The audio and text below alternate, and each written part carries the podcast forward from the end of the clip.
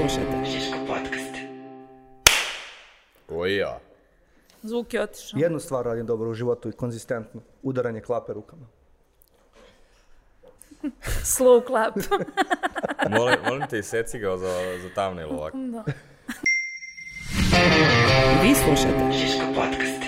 Da bi podcast bio lakši za praćenje, organizovali smo pitanja u neke četiri teme. Prvo ćemo pričati o advertisingu, onda o preduzetništvu, zatim u radu, o, o radu u Žiški i na kraju ove vaša lična pitanja i odgovori a, zato što ste đubrad mala koja nije mogla da se suzdrži, a da ne pita pitanja koja a, nemaju smisla. Kao i uvek, pratite nas na a, svim audio platformama i na našem YouTube kanalu. A, Kao i uvek, pratite nas na svim audio platformama i na našem YouTube kanalu. Možda probam još jednom malo. Ne. ne. Dobrodošli u prvu ikada Ask Me Anything epizodu Žiška podcasta. Odnosno, pitate nas bilo šta, mi te odgovore prikupljamo na našem YouTube-u, na našim LinkedInovima i na našem Instagramu i onda odgovaramo na vaša pitanja.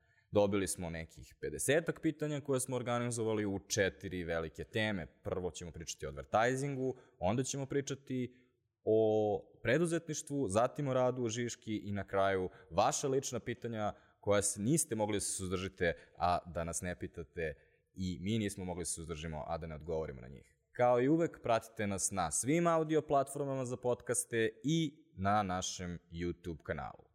Krećemo.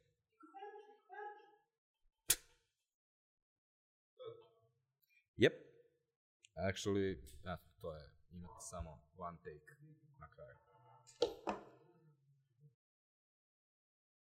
Dobro, otvaramo prvi deo koji je posvećen uh, pitanjima o advertisingu.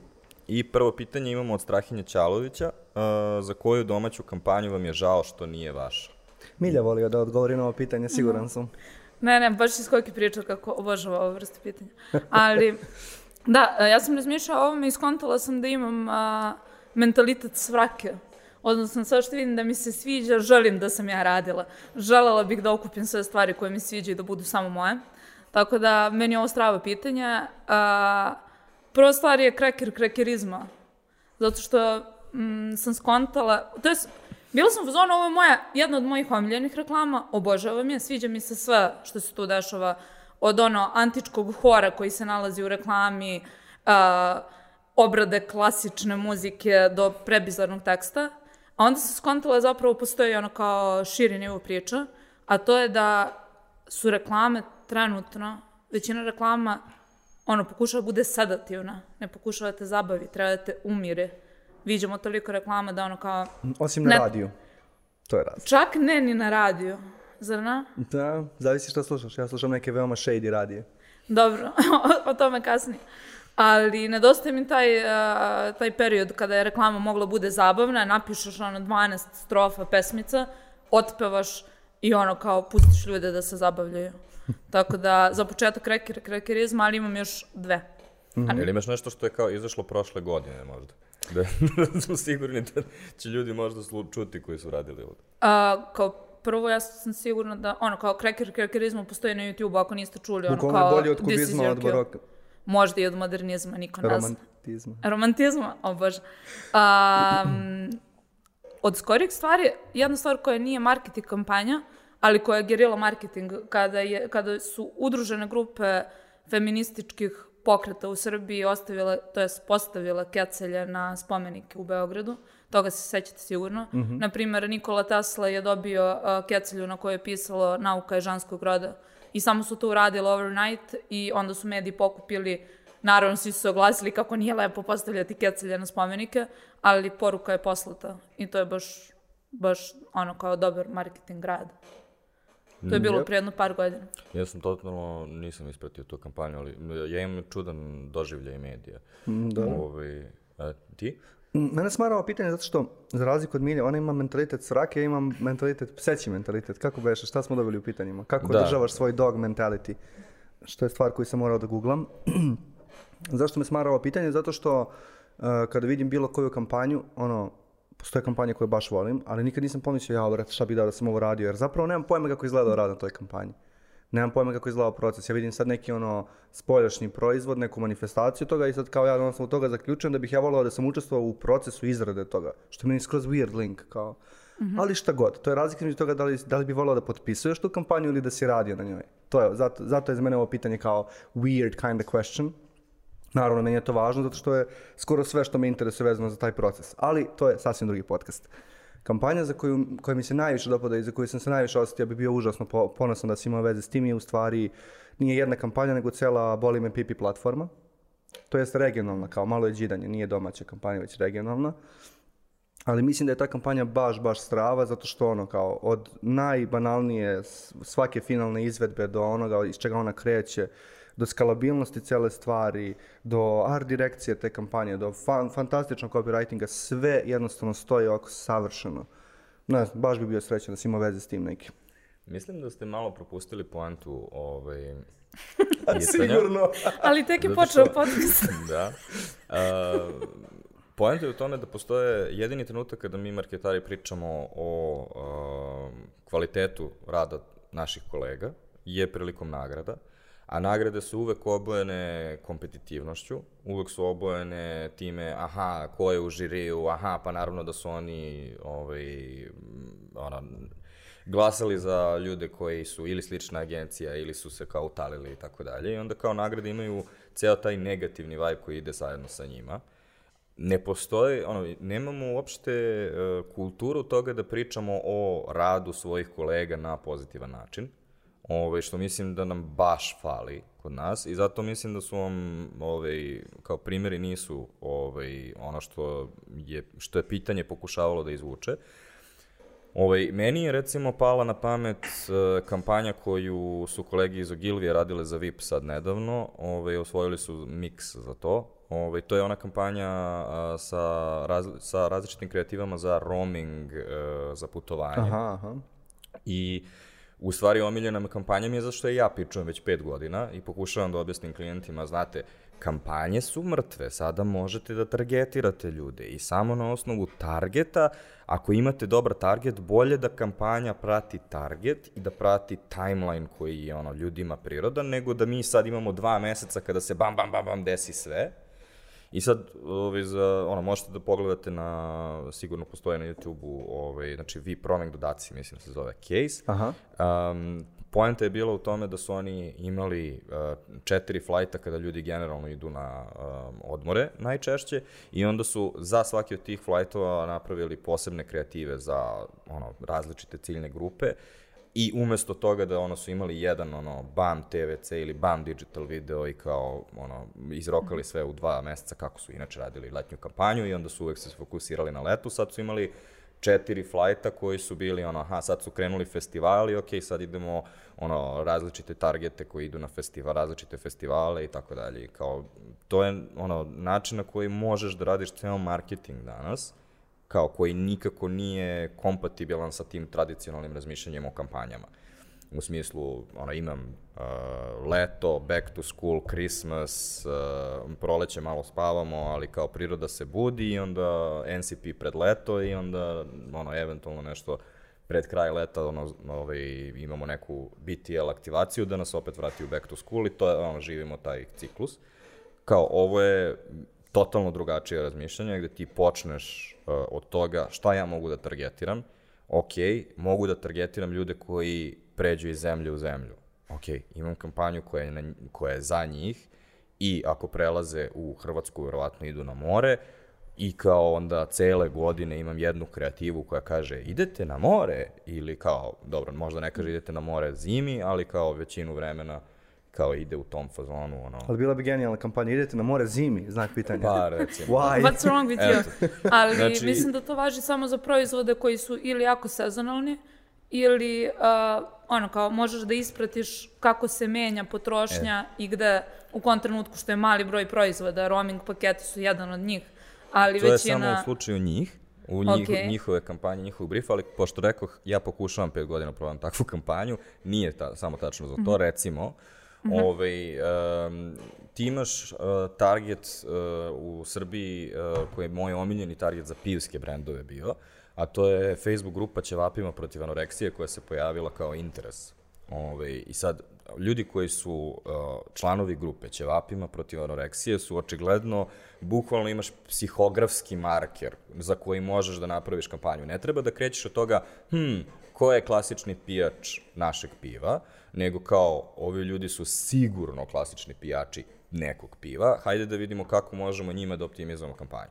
I sad, dobra stvar je ako radiš za target koji ima, znači, taj, taj, taj, taj target je imao negde 350.000, kao dobra stvar je što možeš da napraviš kampanju koja će ići cele godine, koja će targetirati 350.000 ljudi, ali koja može da ima ton koji je totalno prilagođen toj ciljnoj grupi. Ne moraš da imaš četiri ortaka koji sede u pubu i onda pričaju o tome ovaj, kako da smuvaju ribe sa drugu strane, druge strane puba, što je kao otprilike zaplet svake pivske reklame prethodnih 10 godina. I možeš da onda ono, dozvoliš svom brendu da ono bude daleko, daleko bezobrazniji, daleko šaljiviji i tako dalje. I sad možeš to da transponuješ na bilo koji interes koji možeš da napraviš dovoljno, veli, dovoljno veliki target. Recimo Game of Thrones. Kao, ljudi koji znaju šta je Game of Thrones i ljudi koji ne znaju šta je Game of Thrones. Kao, ako imaš, kao, može da napraviš, opet, imali smo neke pivske reklame gde se ljudi nešto mlate mačevima i tako dalje, to bi verovatno bilo zanimljivo ljudima koji su ono, fanovi Game of Thrones. A recimo imaš i ljude koji se bave jogom ili kojima je to, ono, imaš interest i behavior, kao I sad možeš da napraviš ono, bez obzira što tvoj brand nije generalno vezan za jogu, ali možeš, ako ima neki aspekt koji možeš da vežeš za to, kao napraviš, ne znam, jedan impresivan video koji cele godine targetiraš na tih, na primjer, pola miliona ljudi koji imaju interesima joga i kao da im prikažeš jednom nedeljno i podsjetiš ih, e, u slučaju kada se setite da radite jogu, naš brand je super za to. Hmm. Mislim, to je medijski inovativno Da. i baš je strava i sećam se tih prvih ja nisam pokušaja. kreativan. Ne, ne, ne. A, mislim, sećam se tih prvih dana kad smo pokušavali s tim kampanjama, kad smo pokušavali da prodamo ideju o takvoj kampanji i sve te grandiozne izjave. To nije kampanja, to je long term targeting inicijativa i tako dalje. Uzbudljive stvari. Meni pada sad na pamet kad si to ispričao još jedna stvar koja je mala, ali u poslednje vreme imam taj kao moment da me mnogo više interesuju male stvari. Kao, ne privlače mi toliko pažnje velike kampanje, nego neke male, jako dobro kraftovane stvari. Ne znam, to je vjerojatno neki kao lični, neka lična borba. Uglavnom, poenta je, jako mi se dopada način na koji koriste pre-roll format eh, dostavljačke kompanije. U smislu, znam da je to uvek pomenuto u negativnom kontekstu, kao ubija me Volt, bukvalno- ubija me Glovo. Bu, bukvalno sam ono, ovde mi je negde u stomaku sad kad si krenuo. Ja sam actually ono, pogledao te videe i konkretno ovde pričamo o Voltu. I kao mislim da su neverovatan primer storytellinga u par sekundi. Baš mislim da su izuzetno dobro napisani i snimljeni. To su konkretno oni NPR? Volt videi sa onim ocem koji ide po pelene, a onda ide u još neku nabavku. Malo je teško za prepričati što je spot like, više je u kao Da. mo- montaža sekvenca. Ali jako dobro izgledaju, onako produkcijski su mi dosta, mm, dosta inspirativni. I opet kažem, baš iz tog razloga što verujem da je ispričana sasvim pristojna priča u 6 sekundi. U tom smislu mi je to kao ostalo, Da, kao ali- neki goals. Da li priča postoji ako svako odbije da je čuje ili vidi? Jer mislim da bukvalno ta barijera koju imaš kada ono kao agresivno te napadne reklama po 18. put tog dana za istog dostavljača. Ono kao, mislim, ja sam odgledala spot sa pažnje zato što sam bila u fazonu, ok, želim zapravo da vidim šta će me smarati mm. naredne tri meseca, ali uh, sve što mi je ostalo u glavi je zapravo samo nalet plave ili žute boje. I konkretno taj spot o kome pričaš znam, ali to je taj Mislim neki da je utisak. pitanje šta veruješ da na kraju gradi, ono, šta je dobar advertising i sad tu se vraćamo na ovu knjigu. Nemojte da nervirate ljude. Da, ali tu se vraćamo na ovu knjigu advertising. sa ovaj, Byrona Sharpa, ovo How Brands Grow, koji ono kaže da je sve što imaš... Znači ti garant imaš procenat od te knjige. Ja, sam- ja sam siguran da ti imaš procenat od te knjige. Ne, samo je ono, ne, moramo da pričamo o njoj, kao, ovaj, e, zbog toga što čovek, ono, prvo daje jedan jasan kriterijum na osnovu koga možemo da rešimo ovakve stvari, zato što mislim da advertising industrija pati od problema koji se zove zavisi. Znači, sve u advertisingu zavisi od konteksta u kome se, no, u kome se dešava. Sve može biti, a i ne mora. To jeste tačno i treba da gledamo nijanse svega što radimo, ali takođe ne možemo da ne izlazimo iz tih diskusija sa nekim stavom. U smislu, kao, mi, mi sad možemo kažemo, evo, diskutujemo o tome da li time što su Volt i Glovo zaglušili bukvalno pre-roll kao format, da li je to dobro za Volt i Glovo ili ne. Mi moramo da imamo stav kao profesionalci, svako od nas mora da ima. U smislu, ako radiš za Volt i Glovo, ti moraš da, znaš, ono, da, ubijamo ih, ljudi se žale, ali zbog toga svaki dan ih podsjetimo na Volt i Glovo i zbog toga kada otvore, se, ono, kada razmišljaju šta će za ručak, setit će se zato što su videli pre-roll. Znači, ili to tačno, ili verujemo da ako ih previše zaglušimo, ljudi neće otvoriti Volt i Glovo. Šta je od ta dva tačno? E sad, ja verujem lično u to što ovaj, uh, Byron kaže, a to je um, ono, zbog toga što ono, ti, se, ti ćeš možda da budeš u fazonu, a smara me ovo, ali ćeš se i dalje podsjetiti na njih. I sad pitanje je da li ti generalno imaš neke druge pozitivne asocijacije sa brendom, a to ima veze sa celim customer experience-om, ne samo sa advertisingom. I onda ćeš se u trenutku kada ono, treba naručiš ručak, sedeti da li tvoj restoran ono, postoji na Voltu ili na Globu. Ja isto se slažem sa Byronom, čiju knjigu nisam još uvijek čitao, ali sam je preporučivao svima. Ali, ono, full disclosure, preporučujem, tako što kažem, Goran voli ovu knjigu. Mauti. Um, da, i isto tako problematizovao bih e, to pitanje da li u stvari je se desilo to zatrpavanje o kojem mi pričamo, zato što da, mi u marketinškom babulu čuo sam sto puta nas da pričamo o tom zatrpavanju, ali nisam čuo obične ljude i zapravo ne znam frekvenciju te kampanje i zapravo nemam pojma koliko je to u, uopšte sve prisutno. Možda kad bismo ušli analitiku toga, došli bismo do toga da, na primjer, prosječni korisnik nije previše puta vidio tu reklamu. Ja sam već- videla mimove o tome kako, ljudi, kako su ljudi videli mm, previše Mislim da definitivno reklamu. jeste, ali Probably. takođe e, to je samo zato što su, uh, inače sve vreme govorimo Volt i Glovo, zaboravili smo Donese, koji Pa, je sad Glovo. Glovo, ali ovaj, mislim da, no, zato što Donese je meni imao najbolje reklame. Jest. Oni su jedini koji nisu, mm, ono, nisu se toliko fokusirali na one animacije, mm. ilustracije i tako dalje. Ali ja sam isto čuo od par ljudi koji nisu iz marketing sveta da su u fazonu ubijaju me, ali takođe oni su samo iskoristili format kako zaista treba da se iskoristi. U smislu, aha, ljudi gledaju video, ok, hajde da uzmemo najjeftiniji kanal i to je ono što mi pričamo stalno, ono, digitalna transformacija i kada će digital da, pre, ono, da prestigne ATL, pa kada svi ono, budu ono, hrabri koliko i e, Glovo, Volt i Donesi i kažu idemo na pre-roll. Nećemo da idemo na kabel, da budemo negde na sport klubu i tako dalje. Da, ali stvar je u tome što, znači, ljudi ne mrze ono kao Glovo i Volt prije rolove, nego mrze YouTube reklame. Ti mrziš, znači Da. mrziš to što ti iskače. YouTube Premium. Mnogo bi bilo, da, a, kao prvo, da, ali i ne, zato što niko ne želi da plati YouTube jer smo svi odrasli u doba besplatnog YouTube-a i prosto nisi vaspitan tako da plaćaš svoje premium kanale, osim ako su Netflix i HBO. Tako da ljudi ne žele plati YouTube. Ali poenta je u tome da bi za brand bilo mnogo bolje kada bi zakupili recimo pre-roll i omogućili ljudima 6 sekundi tišina. Razumeš, kada bi uspeli zapravo da se izbore sa činjenicom da tebe smara buka, smara te prekidanje, da na neki način ono kao se ne utopiš u taj, u, u gomilu šumova kao što oni rade, već da nekako olakšaš to stanje. I zato koliko god je efikasan pre-roll, ukoliko ga ono kao svi posmatramo kao barijeru, mm, za mene prosto nije ono kao nije dobar način komuniciraš. Ne treba da iz, ono kao ne treba nerviraš ljude koji Ko treba voli da naruče. TV reklame? Ja volim. Znači ja svaki put kad vidim TV reklame ja sedim i gledam ih zato što ne gledam TV inače. I onda kao gledam reklame. Milja, predstavnik običnog prosječnog čovjeka u Srbalja.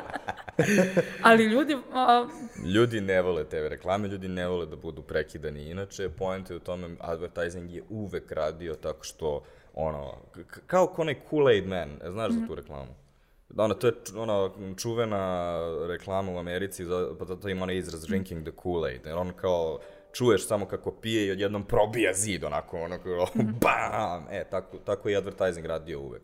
Kao, pojavio se print, I onda smo mi bili u fazonu, dajte nam četvrtinu printa, dajte nam ceo print, dajte nam inserter od 10 strana i tako dalje. Onda kao pojavio se TV, to jest radio, ajde, znači da ubrzam priču, kao pojavio se TV i kao, ne, ne, ne, kao dajte vi nama ono ceo blok. E, sad kad ste nam dali blok, daj ispred voditelja tamo da stoji ono moj moj proizvod. E he he, sad imamo mogućnost animacije, sad dok ovaj priča ja hoću nazad da se vrti moj proizvod i tako dalje. Mi se stalno guramo te ljudi ne žele. Cela poenta je kao ako ne osvestiš da ljudi ne žele da budeš tu, ti onda ne praviš dobar advertising zbog toga što ćeš onda pretpostaviti da će ljudi tvoju reklamu da pogledaju otvorenog uma, da će da, ono, da, da žele da bude tu kao.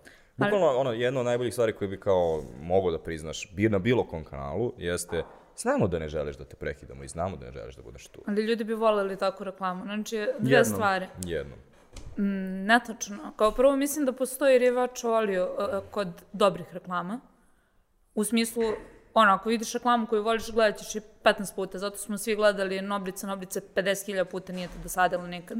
Ali Baš loš primjer zato što su u stvari bile na TV-u. Ni, ni, nismo Da, mogli mi da je gledamo, nego smo... Sada sam htela da, da zapravo napravim paralelu između pre-rola i TV reklama. TV reklame, uh, pre-roll je gori, zato što ti ne možeš da iskoristiš smisleno 6 sekundi. Ja mogu da iskoristim blok reklama kada gledam film, da odem da uradim nešto i da se vratim, ili da prebacim da gledam nešto kratko pa da se vratim, ali YouTube reklama je samo kao da dođe ono kao osa i da te ubode i da ode dalje. Znači, ne možeš ništa da uradiš sa 6 sekundi, možeš samo da te ono kao ne znam, malo šokira i ono kao da, da, da nastaviš dalje sa životom. Tako da su YouTube pre-roll reklame i bumperi užasni. Ali zaboravljaš samo jednu stvar da je, da je um, delimično te reklame su i click to web, tako da delimično je poenta da ti klikneš i odeš na neki sajt tamo. I to je ono, kao, mi smo često pravili te YouTube pre-rollove koji su, čekaj, stani, nemoj da klikneš, imam dobru ponudu za tebe. I kao onda se samo kockaš da neko želi u stvari da čuje šta je ponuda. Kao, najnoviji erectile dysfunction lek or something. Ali ljudi čuju tako što uh, puste YouTube iza i onda odu nešto da rade i onda ne možeš se vratiš realno i onda moraš slušati dva minuta nečega. To je To jeste tačno i to je ogroman problem kada To ljudi svi ljudi naprave, koji slušaju. kada ljudi naprave mm, YouTube pre-roll koji nema glas, nego ima samo aj ten, ten, ten, ten, ten, ten, ten, ten, ten, muzikicu i onda kao da, ono, koji je to brand bio? I don't know.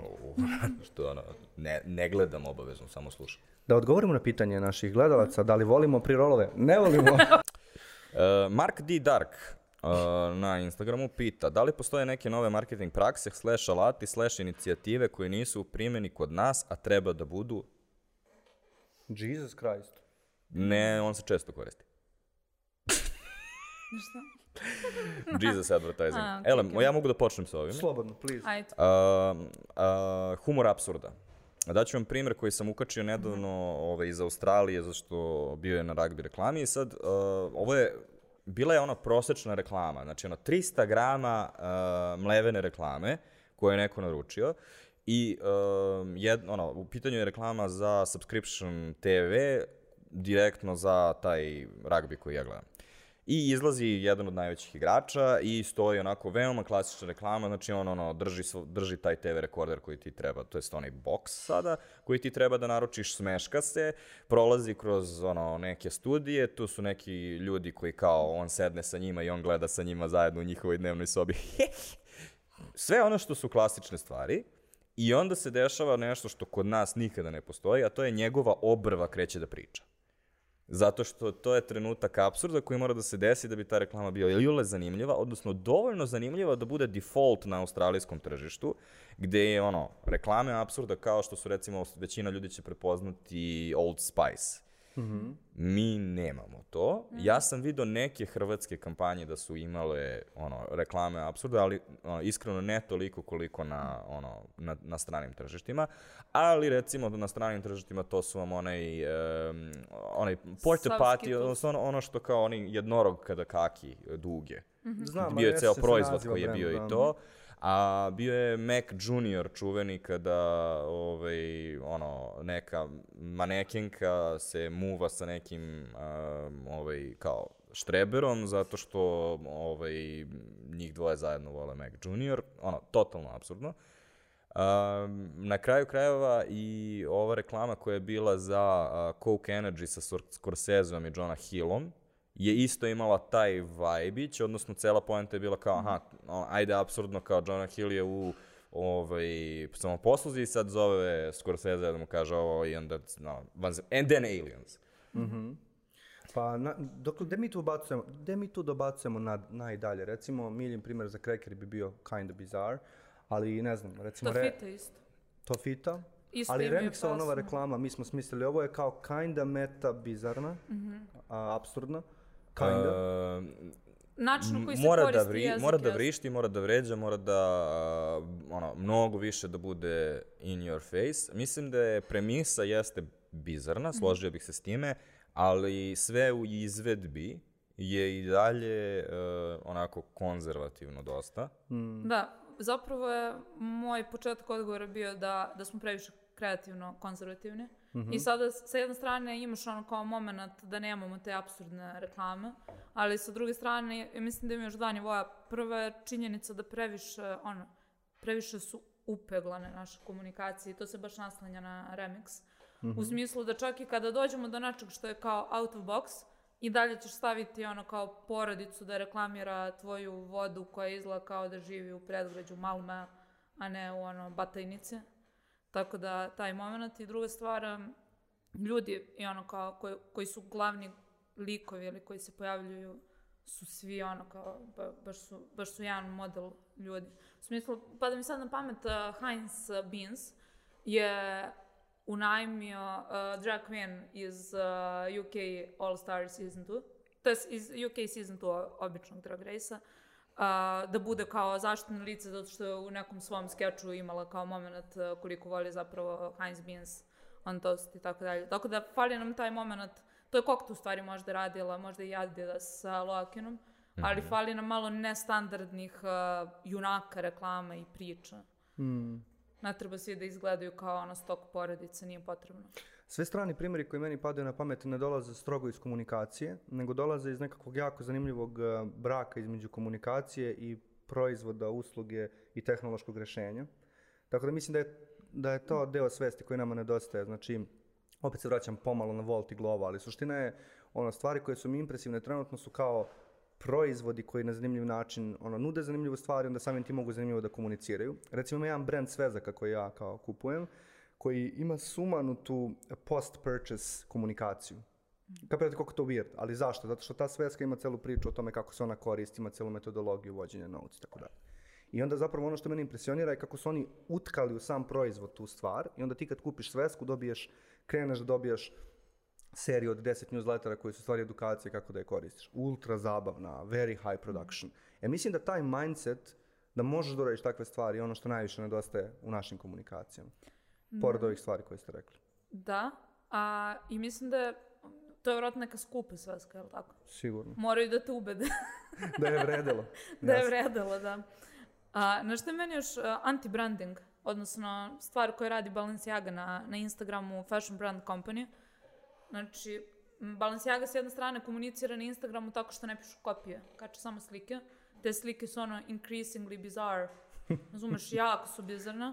Sa druge strane, Fashion Brand Company a, ima opis profila gde stoji ovo nije brand, ovo nije kompanija, proizvodimo odeću za guštera i zaista neke od njihovih odela za ljude dolaze i u gušter size i imaju modela koji je gušter.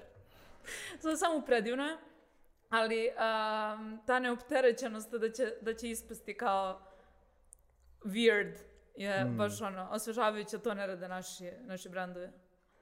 Um, donekle, ali kada mi kažemo brendovi, mi u stvari mislimo na brendove široke potrošnje kojima možda ovo nije uh, dostupno, odnosno nije ni adekvatno za njih, ali definitivno bi ono zrno toga mogli da pokupe.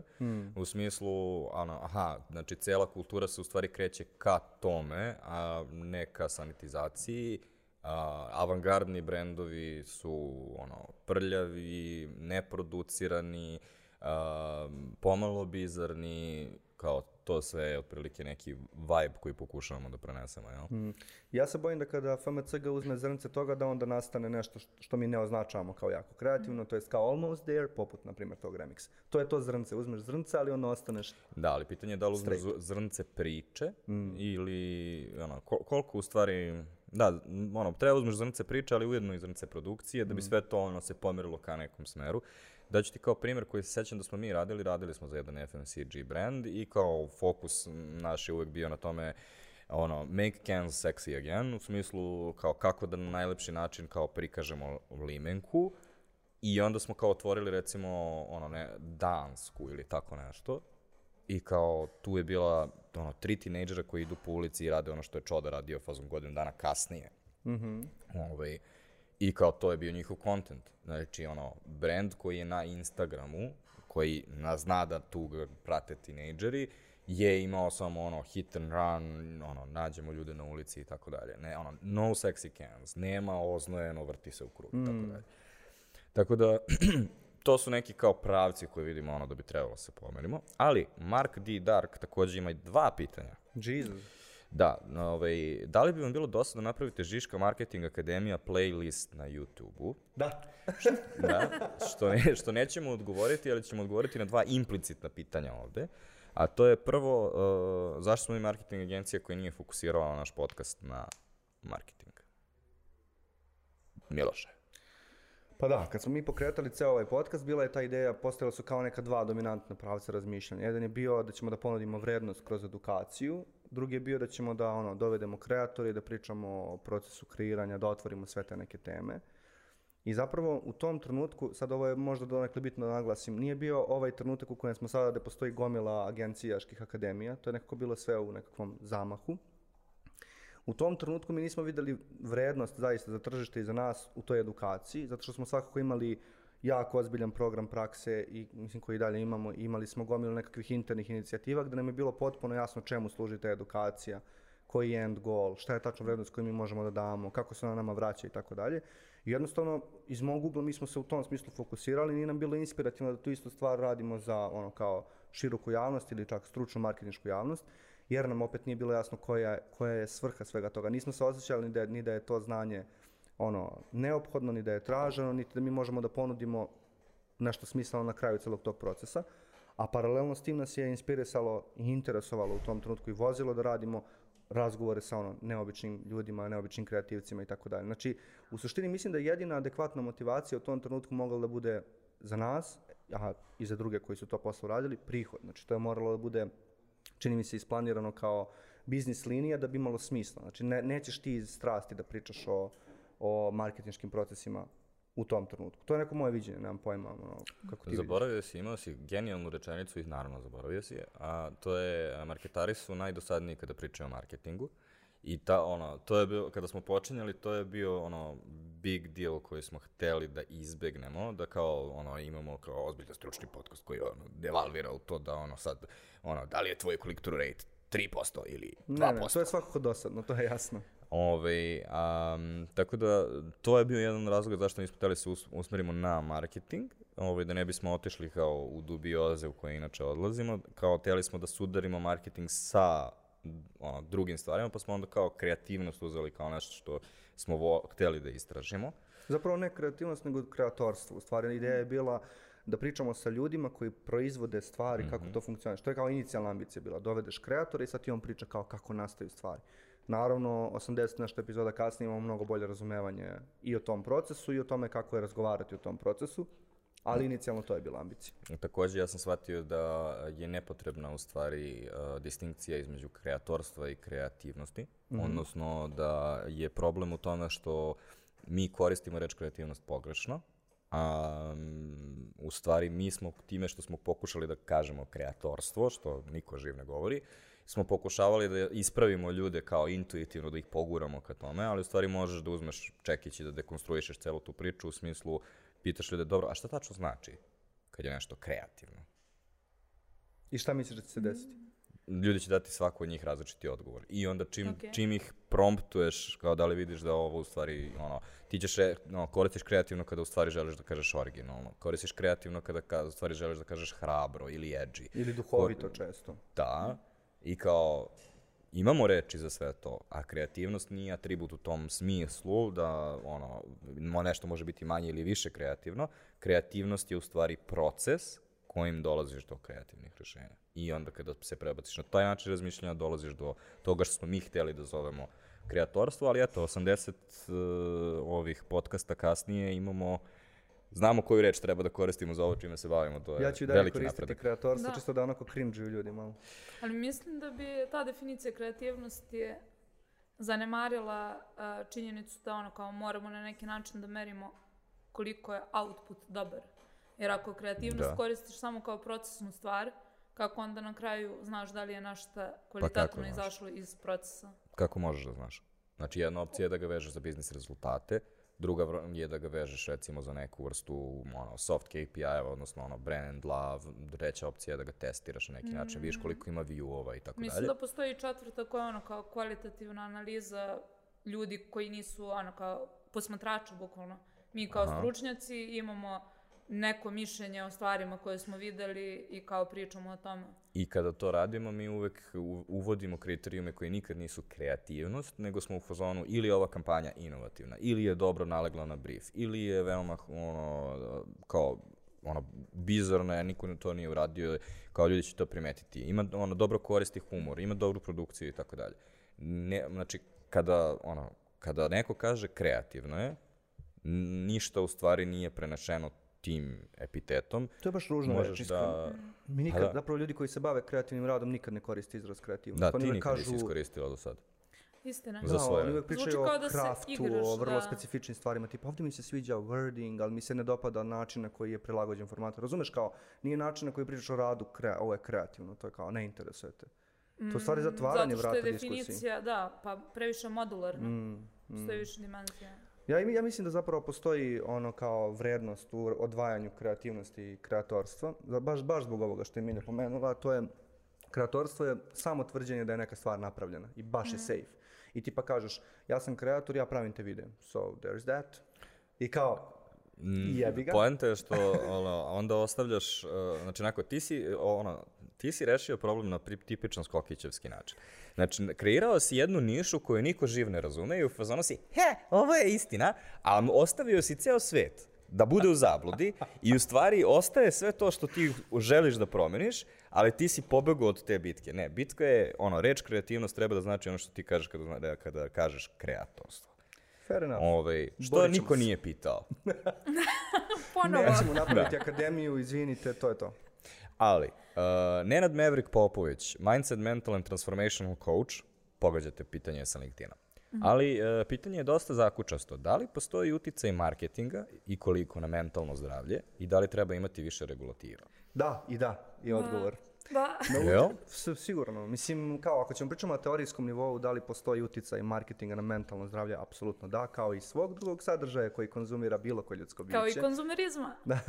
Post- uticaj sigurno postoji. Ali E kako? sad, kako se to tačno, e, kako se to tačno, kako ta informacija sad može da informiše nekakvu regulativu, to je ono veoma, veoma kompleksno pitanje.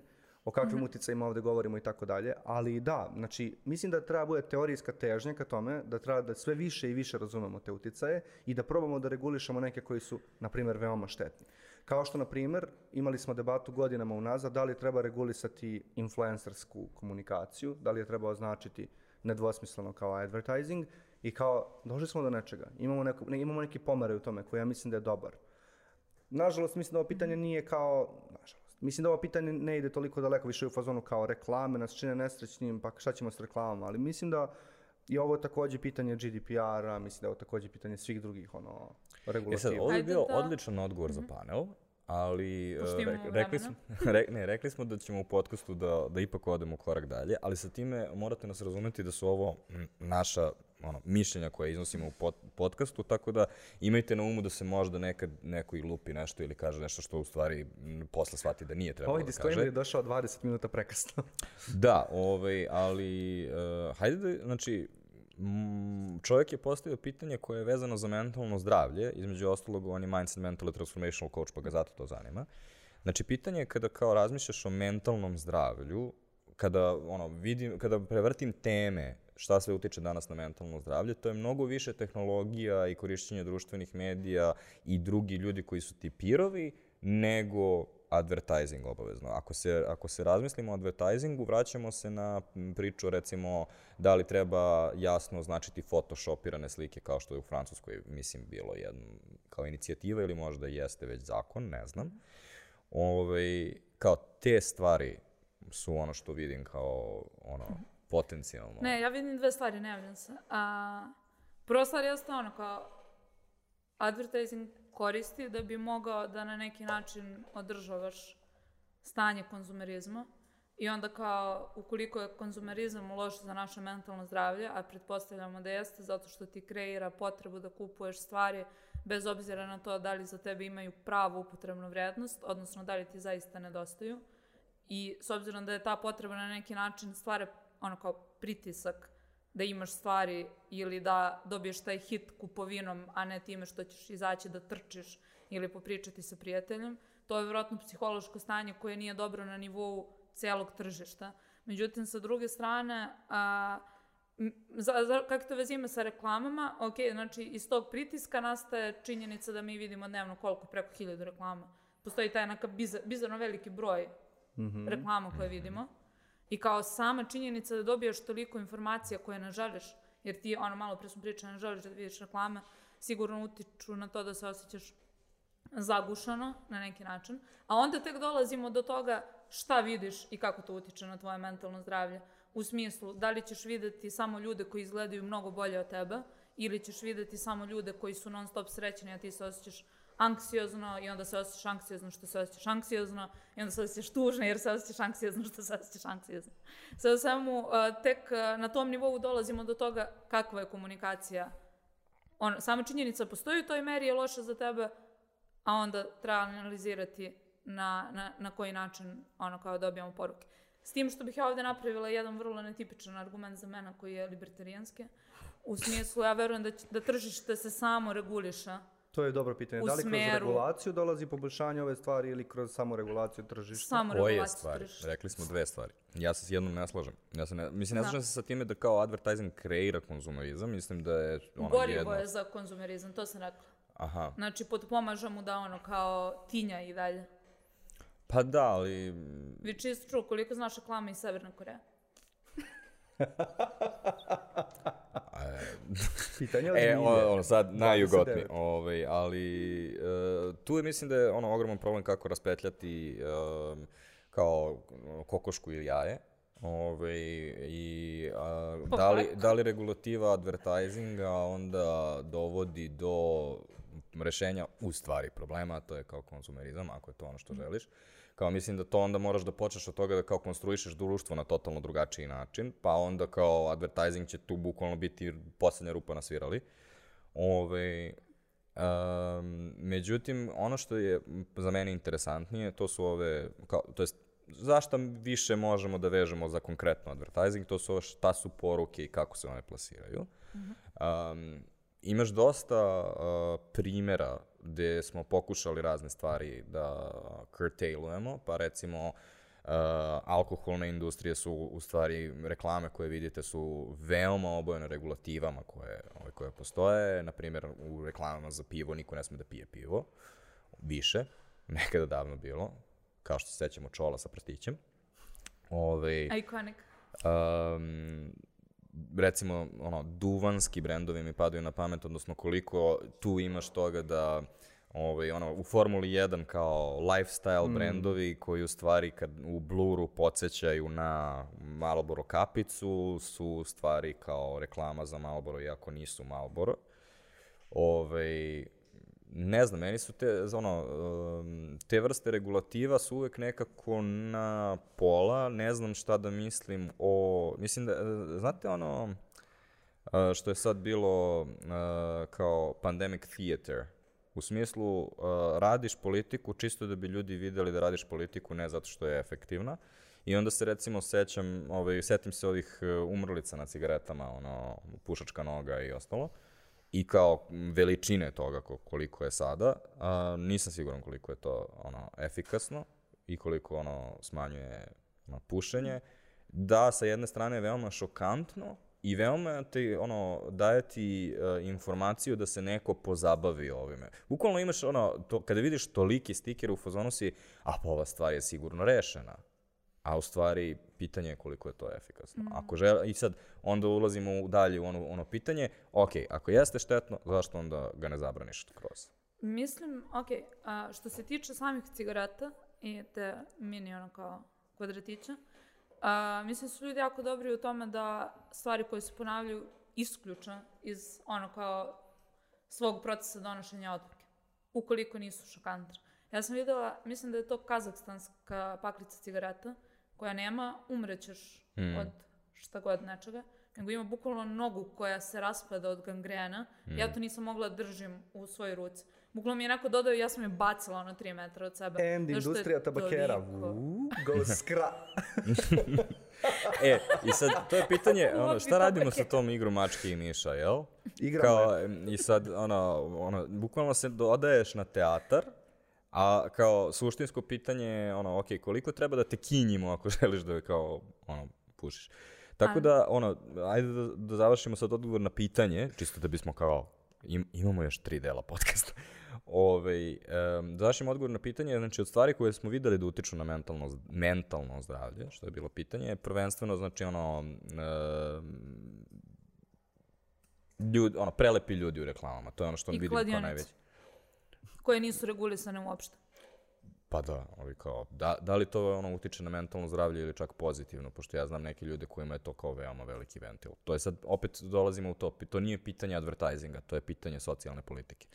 Načelna ideja da se društvo dogovori o nekakvim štetnim uticajima i da reguliše stvar je za mene dobra. Znači, ja nju ne bih problematizovao u polazu. Ono što bih sigurno uradio je problematizovao bih izvedbu, pričao bih o svim ovim stvarima o kojima si ti već pričao, a to su da li ima smisla ta umrlica ili možda postoje nešto drugo što treba da se uradi, da li treba zabraniti advertising um, ovaj, kladionice ili treba na neki drugi način regulisati njihove lokacije i tako dalje. I to ovaj, je uh, zaključilo segment koji uh, je ono uh, bio uh, daleko više comfortable od jednog nego što inače biznisi uh, ovaj, su spremni da pričaju u javnosti. Tako da hvala ti Nenade, nadam se si zadovoljan odgovorom. Uh, sledeće pitanje je uh, Dragan Marković, PhD cand- candidate i development manager at Gradnja RS. Opet pre, pogađate sa LinkedIna. Kako na ispravan način koristiti LinkedIn za B2B marketing? Uh, mislim da je ovo u stvari e, dosta jednostavno pitanje iz razloga što smo mi biznis koji je B2B.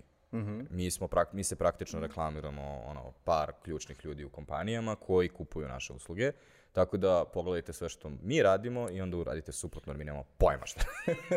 ne, pogledajte šta mi radimo kao Žiška page, a onda pogledajte šta rade ljudi koji rade u Žiški i onda probajte da razumete metod i u zaludilo. suštini, ono, par stvari koje smo tu, ono, skontali, um, recimo, jedno je, um, jedno je da su privatni profili u stvari trenutno na LinkedInu daleko bolji nego ovaj, page profili, odnosno, ono, to je mreža na kojoj prirodno interagujemo sa ljudima, a ne sa ovaj, brendovima i zbog toga kada nešto šerujemo, uglavnom šerujemo sa ličnih profila. Uh, druga stvar koju smo ukačili je da postoji način da napraviš vanity metrike, odnosno da imaš jako puno lajkova i jako puno ovaj, ono, komentara ili odgovora na polove i tako dalje. Možeš da postavljaš forwarduše sa 9 gega i ti time ćeš imati na kraju ono 100, 150, 600, 700 i koliko već lajkova. Međutim, pitanje je šta to radi za, za ono, tebe kao brand. Uh, mi imamo politiku da samo šerujemo stvari koje mi proizvodimo, zato što ako dolazite u Žišku, onda želite da to budu ljudi koji su kao kreativci, koji nešto prave originalno. Prema tome, bez obzira što ono, naš blog ima 70 lajkova, a ono slatko mače u, u, ovaj, u kravatici koje kaže danas je casual, nisam znao da je danas casual Friday, što bi ono odvalilo na, na LinkedInu, nećemo postaviti. ovaj, um, to je ono, to su stvari koje vidim trenutno koje kao u odnosu na ono klasičnu LinkedIn strategiju koju vidim kao bi trebalo da ono da da promenimo. E sad uh, pored toga ja recimo ovaj pošto kao što smo rekli lični profili, tako da svako od nas se malo drugačije ponaša. Uh, ja trenutno pokušavam da se igram malo sa tim ono, LinkedIn algoritmom, da vidim kao šta će ljude malo da čačne, ali... Ljutiš malo ljude, da. Da, donekle. U smislu kao pokušavam malo da pravim a, me, kontroverzice. Ove, ali, um, ono, pokušavam da vidim kao, ono, zanimljivo mi je zato što mislim da je ba, ono, društvena mreža koje se stvari dešavaju. Znaš, ono kao kad kažemo Facebook je mrtav i onda izađe Mark Zuckerberg i kaže ne, ne, mi imamo uh, dve milijarde registrovanih korisnika i milion i, milijardu i po ljudi se ono, svakog dana uloguje na Facebook. Kao, dude, we know, ništa se ne dešava pametno na Facebooku. Wow, izuzev fucking memory za koji ste Na, na, uveli. na ono. LinkedInu je definitivno akcija trenutno. Problem je samo u tome za mene, taj što mi se baš ne dopada ni ton, ni ekipa koja se skuplja na LinkedInu. Razlog je jednostavan, zato što me nikad nisu inspirisali ljudi koji ono, crpe motivaciju iz poslovnog uspeha i kao, a LinkedIn je potpuno obojen tom komunikacijom. Tako da je malo off kad se ti pojaviš na LinkedInu s ne, nečim što je naš standardni ton, a to je hajde da pričamo o radu, hajde da rekonstruišemo. LinkedIn to ne žele. LinkedIn, LinkedIn interesuje vrlo grubo gledano koliko ja zarađujem, ono, koji su neki moji simboli uspeha. To je, to je fenomenalno. Flexing na LinkedInu je actually big deal. Jest. I neke kompanije ga zapravo jako dobro koriste, kao baš ono u fazonu, oh, I see what you did there. Odličan flex. Tako da LinkedIn je ono, tu je akcija, ja želim da se bavim LinkedInom, ali ono, lično me baš gnjavi taj ton. Ali ja vidim tu ulogu za, za sebe i to je to što kažem kao kontroverzice i tako dalje, kao uh, ono, pokušaj da, ono, nećeš imati hiljadu lajkova, ali pokušaj da imaš, ono, ne znam, 200, ono, napravi neki community, napravi neki glas koji tu, ono, nešto trese, koji priča nešto drugačije. Kao, mi nismo likovi koji treba da budemo, ono, najveći influenceri LinkedIna, kao, that's fine, kao, dokle god ono, širiš svoju poruku određenoj targetiranoj grupi ljudi i to je u stvari možda i posljednja stvar idealno da završimo sa, sa B2B-em, a to je ono, za razliku od ostatka advertisinga ovde se zaista isplati da targetiraš ljude u smislu kao razmisli kako tvoju poruku zaista interpretira samo tvoj potencijalni, odnosno tvoj željeni klijent. I daću, daću ti primjer za to, ovaj, Žiška nije radila SEO nijednog svog teksta, zbog toga što mi ne targetiramo ljude koji će googlati nešto i onda naići na naš uh, page i onda zaključiti da žele da rade sa nama. Većina ljudi koji mi želimo da rade sa nama znaju da postojimo i ne čekaju se samo oko toga da li smo previše veliki ludaci, da li smo dovoljno ovaj, um, htio sam kažem kreativni, što je u stvari again, shorthand i kao loša stvar, ali kao da li smo dobar fit za njihov brand i ovaj, kao nije problem u tome da ono, ljudi koje mi želimo da rad, sa kojima mi želimo radimo kao nisu svesni da postojimo. Više su ono da da li smo uopšte na radaru prihvatljivih agencija, odnosno adekvatnih agencija za njihov brand. Dobro. Ovaj, sa time mislim da možemo da završimo deo o advertisingu I prelazimo na deo o preduzetništvo, odnosno pitanja koja se generalno odnose na preduzetništvo. I uh, Alergoga nas pita uh, kako ste dobili prve klijente kad ste tek otvorili agenciju, kako im se predstaviti bez portfolija? Miloše, Pa dobili smo prve klijente na pičevima, u stvari, što je totalno ono neočekivano. Mm, čudno je kako ljudi to doživljavaju. Znači, svi zamišljaju kao mi smo otvorili agenciju i nismo imali portfolio i ako sedeli smo u kancelariji i ništa se nije dešavalo, a u praksi mi smo kao išli na kafe s ljudima, svi su nas zvali da provere šta se dešava. Mi smo već tad imali ono go- nekoliko godina karijere iza sebe i kao na ovakvom tržištu, kada Goran i ja otvorimo svoju agenciju, prosto postoji jedan nemali broj ljudi koji je prirodno zainteresovan za tu stvar. A šta se inače desi, na primjer, kada neko otvori agenciju? A ne postoji to, ti si uvek dobiješ nešto, papir iz APR-a. ti si uvek nešto to već znači? buđio, već si nekome nešto radio, E, već si nije, nek... nije to obavezno. Znači, Pa to je jedna od je glavnih standard? stvari koje bih ja savjetovao mladim ljudima, zato što jako puno njih se razmišlja da odmah krene u preduzetništvo.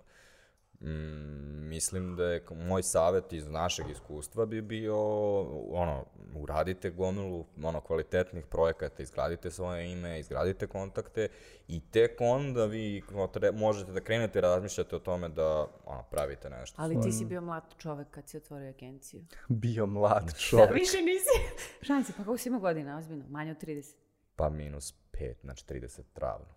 Ovaj, ali poenta je u tome da ovaj, kao, kao nas dvojica kada smo otvorili svoju agenciju smo već imali veliki Da, portfolio koji ljudi su znali ko, ko smo mi, ko su naši projekti i tako dalje. Znali su i agenciju u kojoj smo tada radili, ali to ti ono, uvek imaš taj, ono, neki ljudi su dobri zato što su u nekom timu, a u nekom drugom timu će možda biti bez veze, ali dalje je dosta ljudi to je zanimalo. Ma da, mislim, nije fora u tome. E, Dosta ljudi kao uđe u preduzetništvo da bi bili preduzetnici, što je meni totalno čudna motivacija.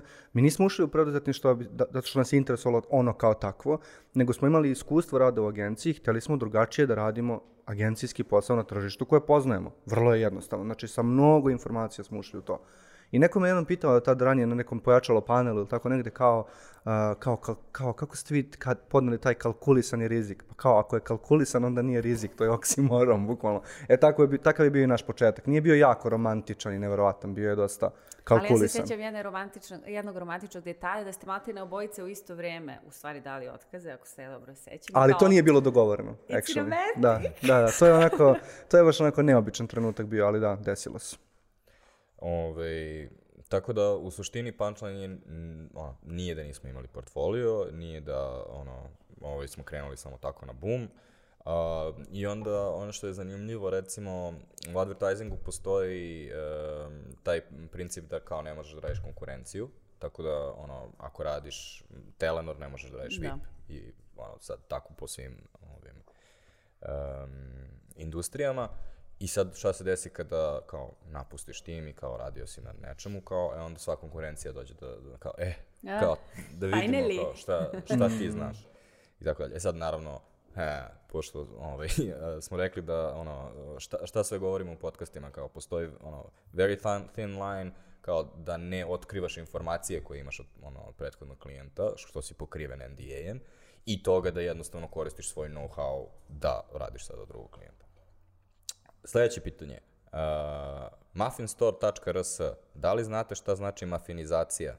Mislim, ja nemam pojma, ali mogu da izmislim. Kako ne znaš? Ja Mafinizacija? Mislim da je to, na primjer, bazen pun mafina i ti samo dođeš i uskočiš u mafin. Zašto sam zadržao ovo pitanje, iako naravno ne znate odgovor? Zato što je neki community manager negde uvideo da mi imamo Ask Me Anything and slide into our DMs gdje ono, su Dobre, bili u lisica, fazonu, dobre. kao, aha, da li ćemo mi napraviti reklamu za muffiniza, muffinstore.rs, hoćemo, respektujemo hustle. Misliš, da li je Žiška agencija koja je hrana druga, a često i prva najvažnija tema na Slacku? Bukvalno, ja već Odgovor gledam je, sat, da. odgovor je da. Mafinizacija je zapravo efekt u kojem se dobre stvari prelivaju. Znači, to je u suštini kao neki Da. spillover efekt dobrih uh, radnji koji se onda neplanirano prelije na, na druge aspekte poslovanja. Hvala vam, ovo je bio moj TED Talk. Katarina on coffee ovaj, nas pita sa kim biste volili da radite, a ne radite trenutno? Sa Jelicom. Malo sniki ka, ka Jones, ovaj, pitanje, ali postoji odgovor i sad uh, ovo je dosta bitno da, da, da razlučimo, znači um, kao što smo na, u prvom delu imali ono pitanje uh, kao šta u stvari znači to ono što nije vaša, uh, tako i sada mi uvek um, ispravljamo ljude kada krenu uopšte ovakvu vrstu razmišljanja, kada kažu ko ili koji brand ili tako nešto. Znači, pitanje je, e, ono, ne postoji imenom prezimenom, ne postoje brendovi koji bismo volili da radimo, postoji tip brenda i šta Da. brend želi koji mi u stvari želimo da radimo, a Skokić je to e, idealno definisao u jednom trenutku ambiciozni u vezi svog sadržaja. Da. Možeš li da objasniš šta znači ta floskula? znam.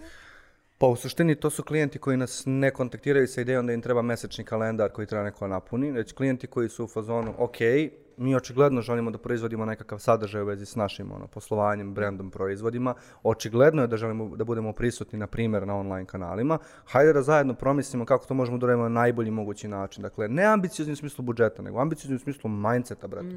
Hoće da urade tu stvar, hoće da naprave originalni sadržaj, hoće da. ga objave, hoće da prikupe feedback, hoće da odgovore na te komentare. Dakle, baš možeš da razviješ klijente koji čekiraju box i nema ništa loše u tome, samo to nije za nas. I klijente koji ono, hoće da budu kreatori sadržaj, naravno sve to u službi nekog svog biznisa, ne samo zato što vole, ne znam, da imaju fotke, nego, nego baš zbog toga što im to, to, to takođe vide vrednost toga za svoj biznis. Eto, to su ambiciozni brendovi. I onda imamo uh, podpitanje od Kačons koja kaže ko vam je omiljeni klijent i zašto? Ne. Ovo su bukvalno leksikonska pitanja. A čekaj, hoću ja da odgovorim na ovo prvo. Ja bih voljela da radimo neki turizam, nešto. Turizam. Da. Znaš koliko postoji cool kampanje vezanih za turizam I kroz know, istoriju. I know. Ali nisam skoro video, recimo da, lažem. A nema, ovaj, da, da, ne znam baš da li bismo gradili upravo to što si sad pričao na mesečnom nivou, ali tako neka kampanja, da. Pa Pogotovo bila je sad, ovaj. Soul Serbia, Soul Food Yes, Serbia, to su Soul ozbiljne Food, kampanje. Baš dobro. Sjećate tog videa? Goksi je Blanko, jel da? What? Ne. Nije bilo baš skoro. Dobro, ostavit ćemo dole u... Pokazat ćemo Goksiju posle podcasta, se. oduševit ćeš se, da. Zabavno je raditi turizam, naročito su super primjeri kao kada mo- treba da establišuješ po prvi put neku turističku lokaciju. To je ultra interesantno. Da li uopće čak- danas postoji prostor da se napravi brand kampanja za turizam, odnosno ovaj, da ustanoviš to što si sad Obično rekao? države stoje iza tih inicijativa. Da, ali u, u vreme kada imaš click to website, kao ima ono, i sa, sa druge strane imaš performance marketare koji će izaći i reći, e, za prosječnu cenu od 20 dolara po aranžmanu ja ću prodati 600 hurgada. Ne, ali jedno i drugo. Ali kako jedno i neki drugo. content kreatori su cijelo svoj content organizovali oko putovanja, oko turizma. I onda imaš influencere koji kao također mogu da ti I jedno i drugo i treće. to. I dalje možeš da imaš strava video o zapadnoj Srbiji i njenim E, bogatstvima. naravno ti možeš da ga napraviš, pitanje je da li postoji prostor na tržištu za to. Ja bih rekao da da su to i oni- dalje priče koje ljudi žele da, čak i u Da. tom veoma konvencionalnom formatu, ako sad pričamo, zamišljamo si možda neki video. Da, da, vidio. I dalje mislim da su ljudi zainteresovani za takve priče. Ja ne mogu njega. Ovo je o preduzetništvu. Znači na tržištu. Pitamo će neko to da kupi. Ja znam da Hoće, ti to možeš da hoće. napraviš. Kupit će Gorane, Znači da kao, ljudi... kao što smo ustanovili, imamo Svaka mi roba super gomilu ideje. Ono, pa da. Ja, bi, čak, ja bi čak i volila to da radimo, baš to, e, turizam u Srbiji. I mislim da su ljudi sad posle korone bukvalno ponovo inspirisani da Ja bih volio da radimo tehnološki ono kao proizvod, volio bih da radimo neki, neki ono web-based service koji ljudima prodajemo. To bih volio da radimo. Aha, Recimo neki cool. ono veoma koristan alat za ne, znam, organizaciju rada. I onda globalna kampanja. Neka Ne, nova ne, ne, asana. Od nas za dezorganizaciju. može, evo ja ću da pišem know-how. Taman kad se udubiš u Excel i scrolluješ preko 798. reda, iskoči ti kao, kao mali skokić koji je u fazonu pevati glupe pesmice. Snipping tool, snipping tool. Može. Dobro, ajde onda da, Jelice, ko ti je omiljeni klijenti, zašto? My God. Um, omiljeni su mi klijenti koji me pušti da se igram. A svi moji klijenti su takvi sasvim slučajno. Pa ali smeš da kažeš neko ime? Evo recimo Goran, ono, mrtav vlada nosi mančmelo majicu i tako to. Pa do, bukvalno. Dobro, da, to je Nisam mrtav vladan, klijent. uopšte, baš Ne. nervozno. E, na Manču se stvarno mnogo igramo, da. Taj je ovaj klijent može drugačiji u tome, ali nije, nije, nije baš drugačiji zbog toga. To isto radimo na Dijamantu, kad malo bolje razmislim. Znači, bukvalno, to je odnos sa klijentom gde oni samo dođu i kažu mi hoćemo nešto, drugačije naravno uvek je u pitanju ili ne, nova kampanja ili možda unapređivanje sadržaja, ali baš nas puste.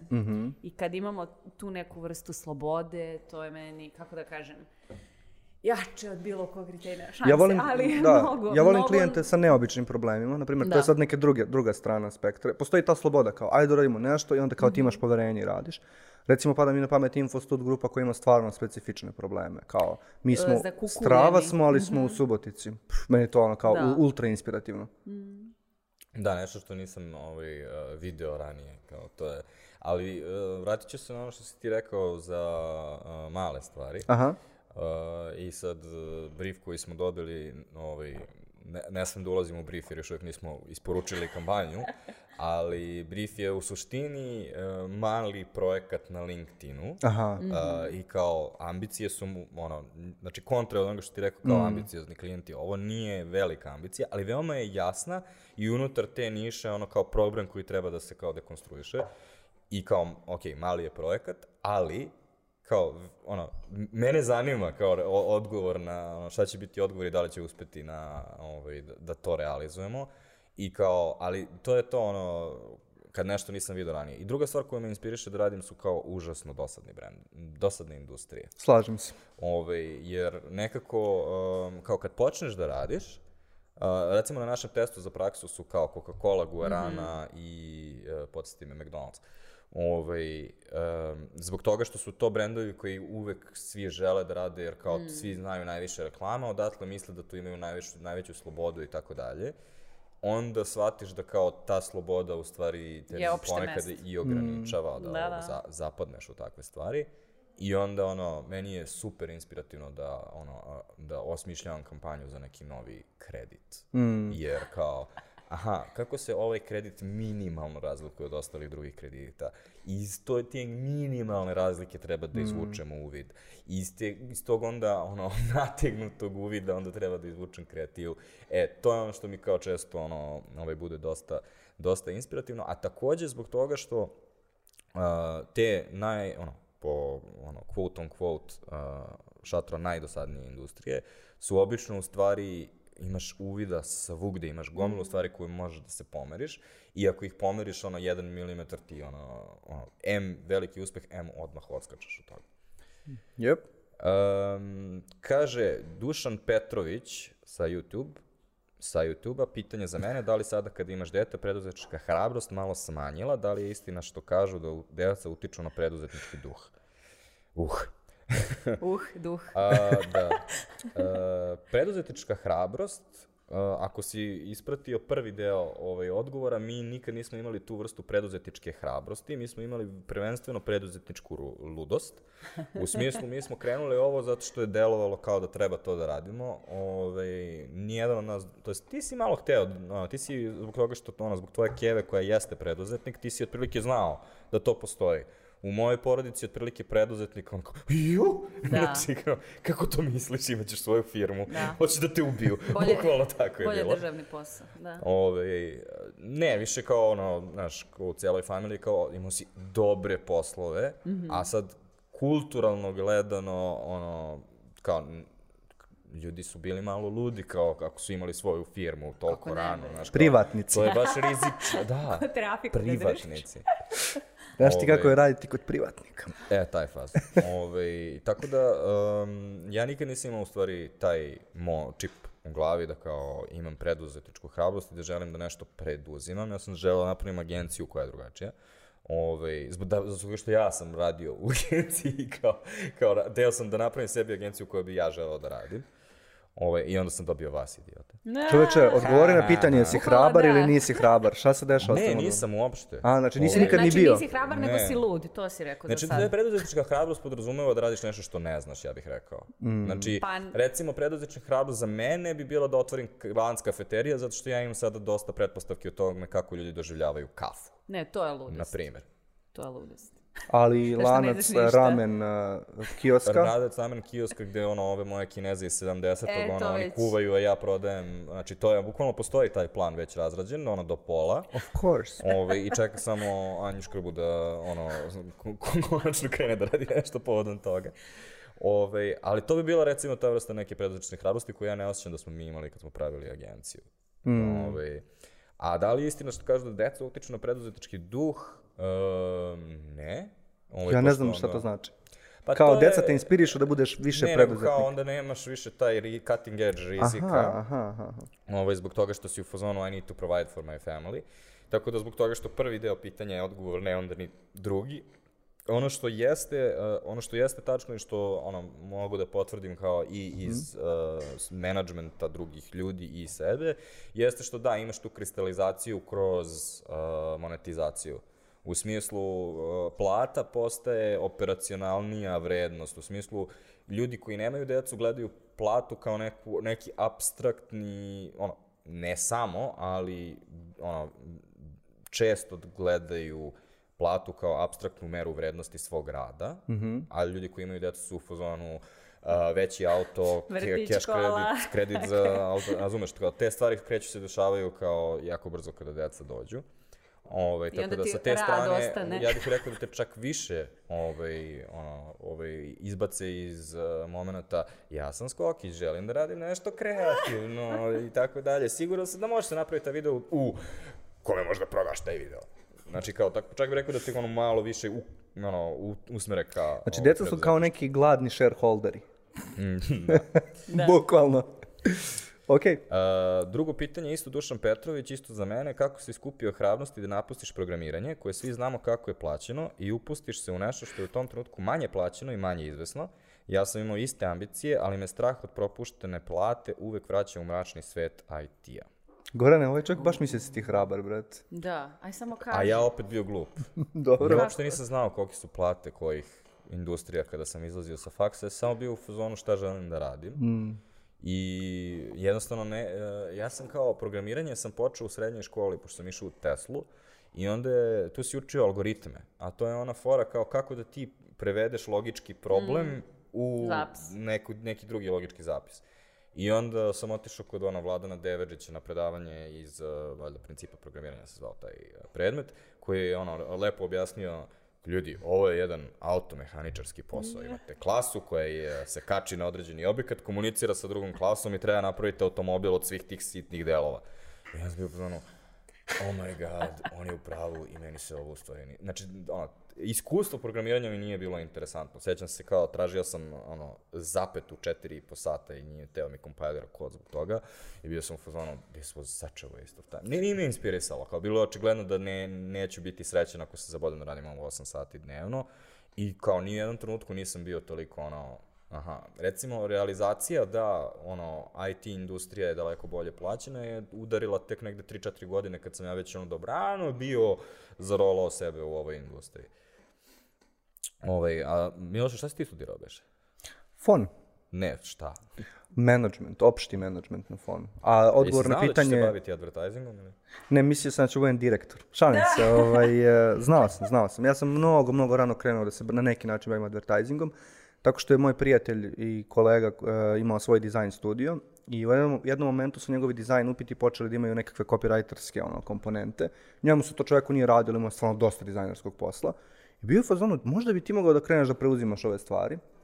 I onda sam ja dosta rano osetio taj mali deo posla, znači copywriting za male biznise, za sajtove.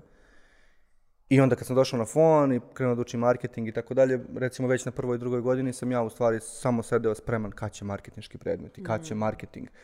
I onda sam shvatio da se to neće desiti, mislim, kao da to neće doći i onda sam krenuo da, da ovaj... Uh, u stvari, moj, moj, moj karijerni put je baš dosadan, zato što sam ono, baš mlad skontao da želim da radim u agenciji advertising i onda sam samo pokušavao dugo da se uguram negde i jednom kad sam se ugurao, to je bilo to. Mislim da moramo da raščistimo taj deo sa, ovaj, sa fonom, pošto često, često krenemo, krenemo sa time kao ne postoji škola za advertising, a u stvari kao fon je škola za marketing mm, Da. management. Ali nisam ja to je, znao. Ono, Da. Mi se bavimo advertisingom, što je jedno od 4P i onda ako ga naduvaš na komunikacije, možda možeš da ono, dođeš dalje. I sad postoje ljudi koji se bave na fonu stvarima koji jesu iz oblasti komunikacija, kao što je odnosi sa javnošću i tako dalje, ali to nije fokus tog kurikuluma, kao to je jedan od, ne znam, šest predmeta po semestru, Naravno. na primjer, kojim ti posvetiš tome. I kao, to je ono što kažemo, što ono mislimo kad kažemo kao ne postoji škola za advertising, znači kao to je škola u kojoj bi mogo da imaš ono copywriting 101, uh, Da. kao optimizaciju ono, medija recimo i tako dalje.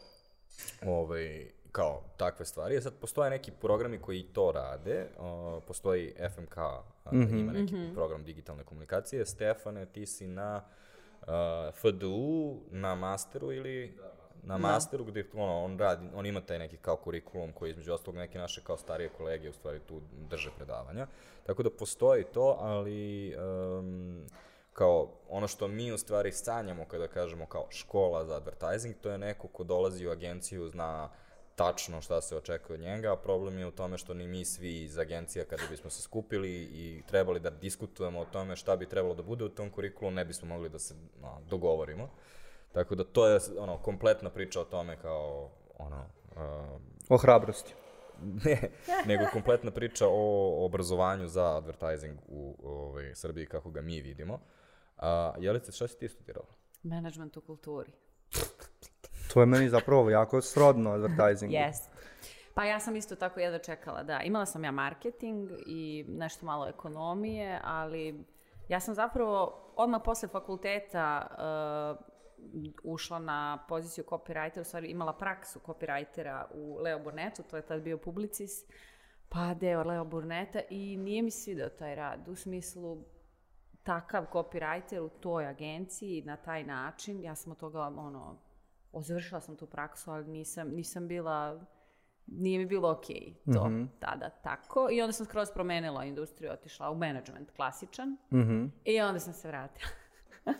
Da, pa to je to. Mislim da je ono, jedna od bitnih stvari koje treba da znate je da ljudi u Žiški imaju baš totalno razlolika obrazovanja. Da. Uh, imamo uh, par političara, odnosno novinara, imamo par uh, lingvista, jel se to tako Pa, kaže? da. Ljudi završili filološki fakultet sve i svašta, iskreno i ne pratim ono šta je ko Sad će Vugi da napiše svašta ispod Imali smo, uh, imamo dvojicu sa Singidunuma koji su završili valjda management ili kad nisu ni završili? Pa iskreno ne znam. Važnije Ni, od nisam ispratio, znam da nisu završili Ja sam proverila, jesu, jesu. Jesu. Ali niko, da, nikoga ovde ne definiše obrazovanje. Tipa, meni više Da. o Stefanu govori činjenica da je on gaj paprike nego koji fakultet završio. Iskreno rečeno. U kontekstu istina. našeg zajedničkog rada, mene mnogo više interesuju ljilja i bilja.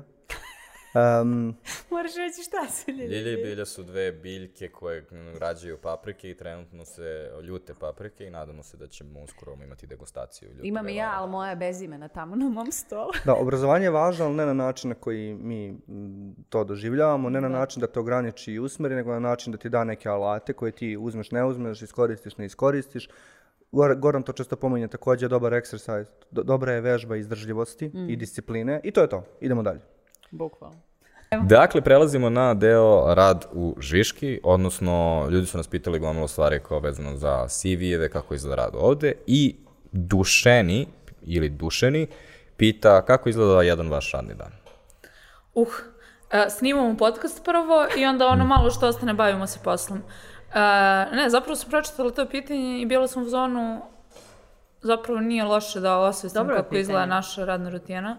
Tako da nakon što dođeš u kancelariju i kao skuvaš kafu i pozdraviš kolege i pomisliš Đorđa, u principu tvoj dan može da pođe, to jest moj dan, kreće na neko dva načina.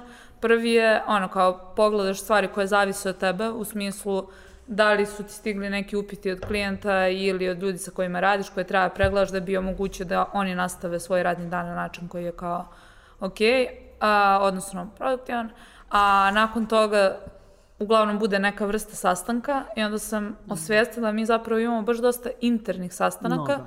koji se bave promocijom Žiške, organizacije, edukacije kao što su statusi gde neko drži neko predavanje ili deli neke insajte, neke uvide i kao m, koji nam služe da zapravo učimo o, o, o tome kako da radimo bolji posao.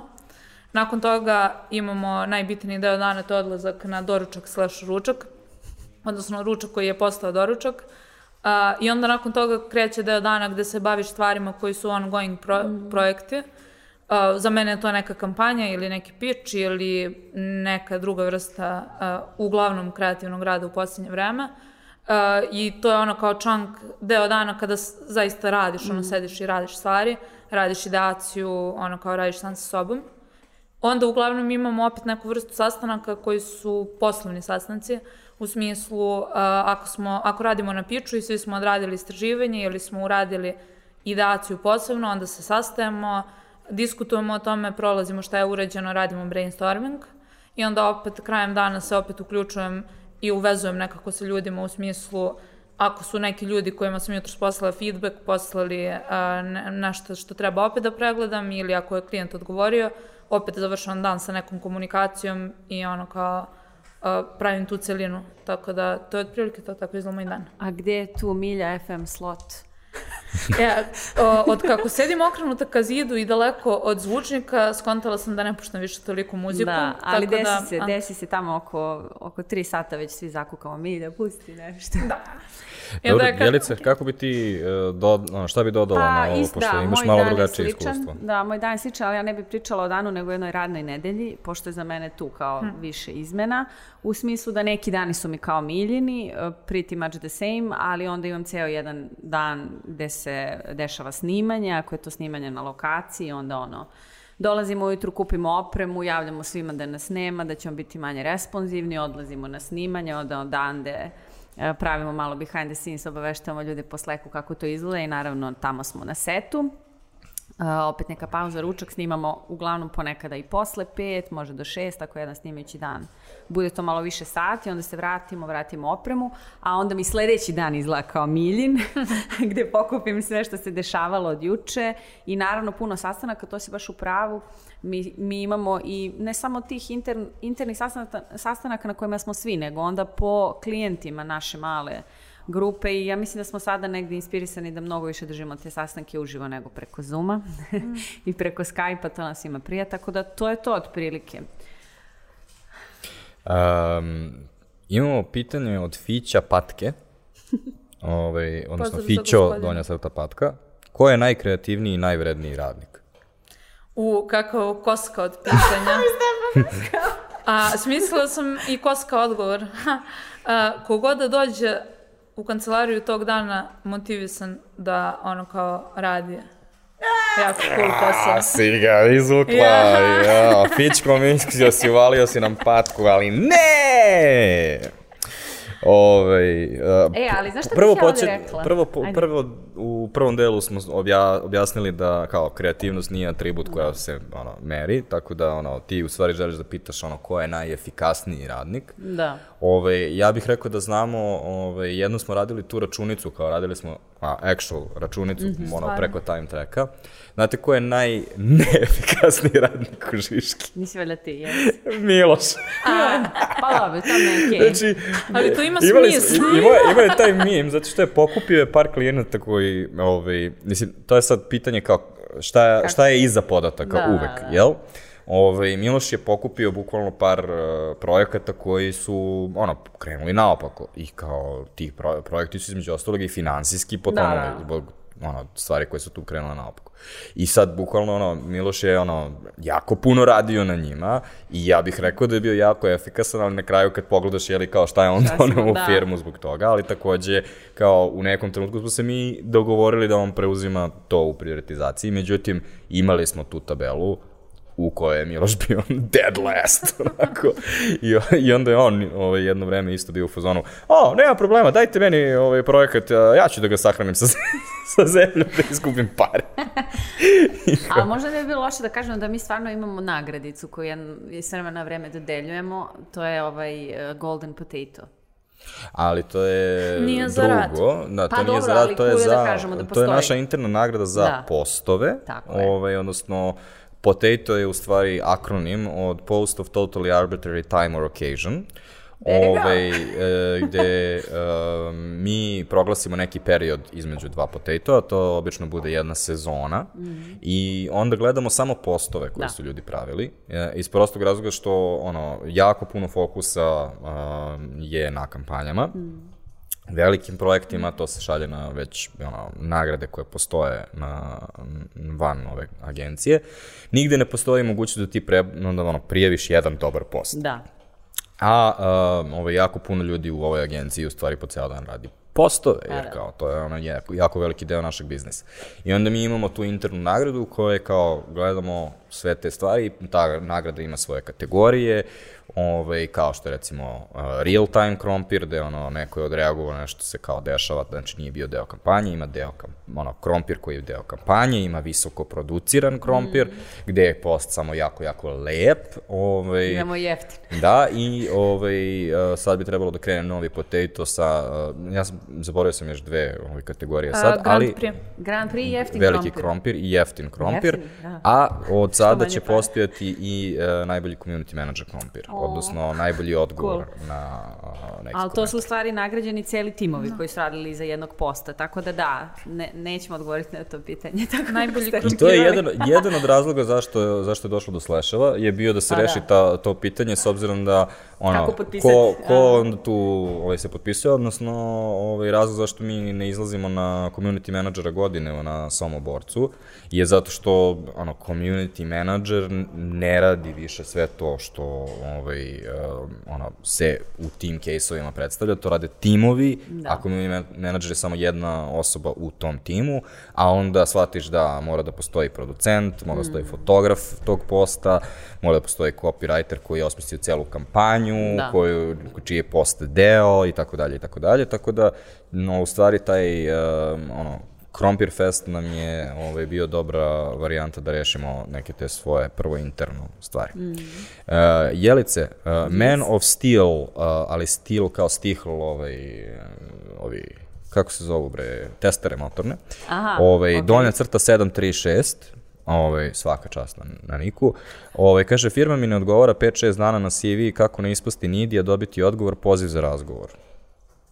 Piše u Instagram direct. Pa evo pisao ti. A, to ovo je isto ne znam. poenta. Jesmo mi firma? Mi smo, o bože, ja sekund. sporiji od jutros. Ne, o, znači, ali- čovek je se prijavio za oglas za videografiju koji trenutno ide i nismo mu odgovorili 5-6 dana, poenta je nećemo odgovoriti Nećemo još dok se ne 5-6 završi dana, tek kad se Da. svi završi, pregledamo sve prijave, onda odgovaramo na tenane svima, ali uh, imaš jedan problem, a to je, pošto si nazvan na Instagramu Man of Steel, dolje crta 736, ne znam kako će da nađemo to Ako nije ostavio Instagram. na, Da, ovaj, ali tako da, bilo je bolje da kažeš pozdrav i ono, prijavio sam se pod ovim imenom i prezimenom.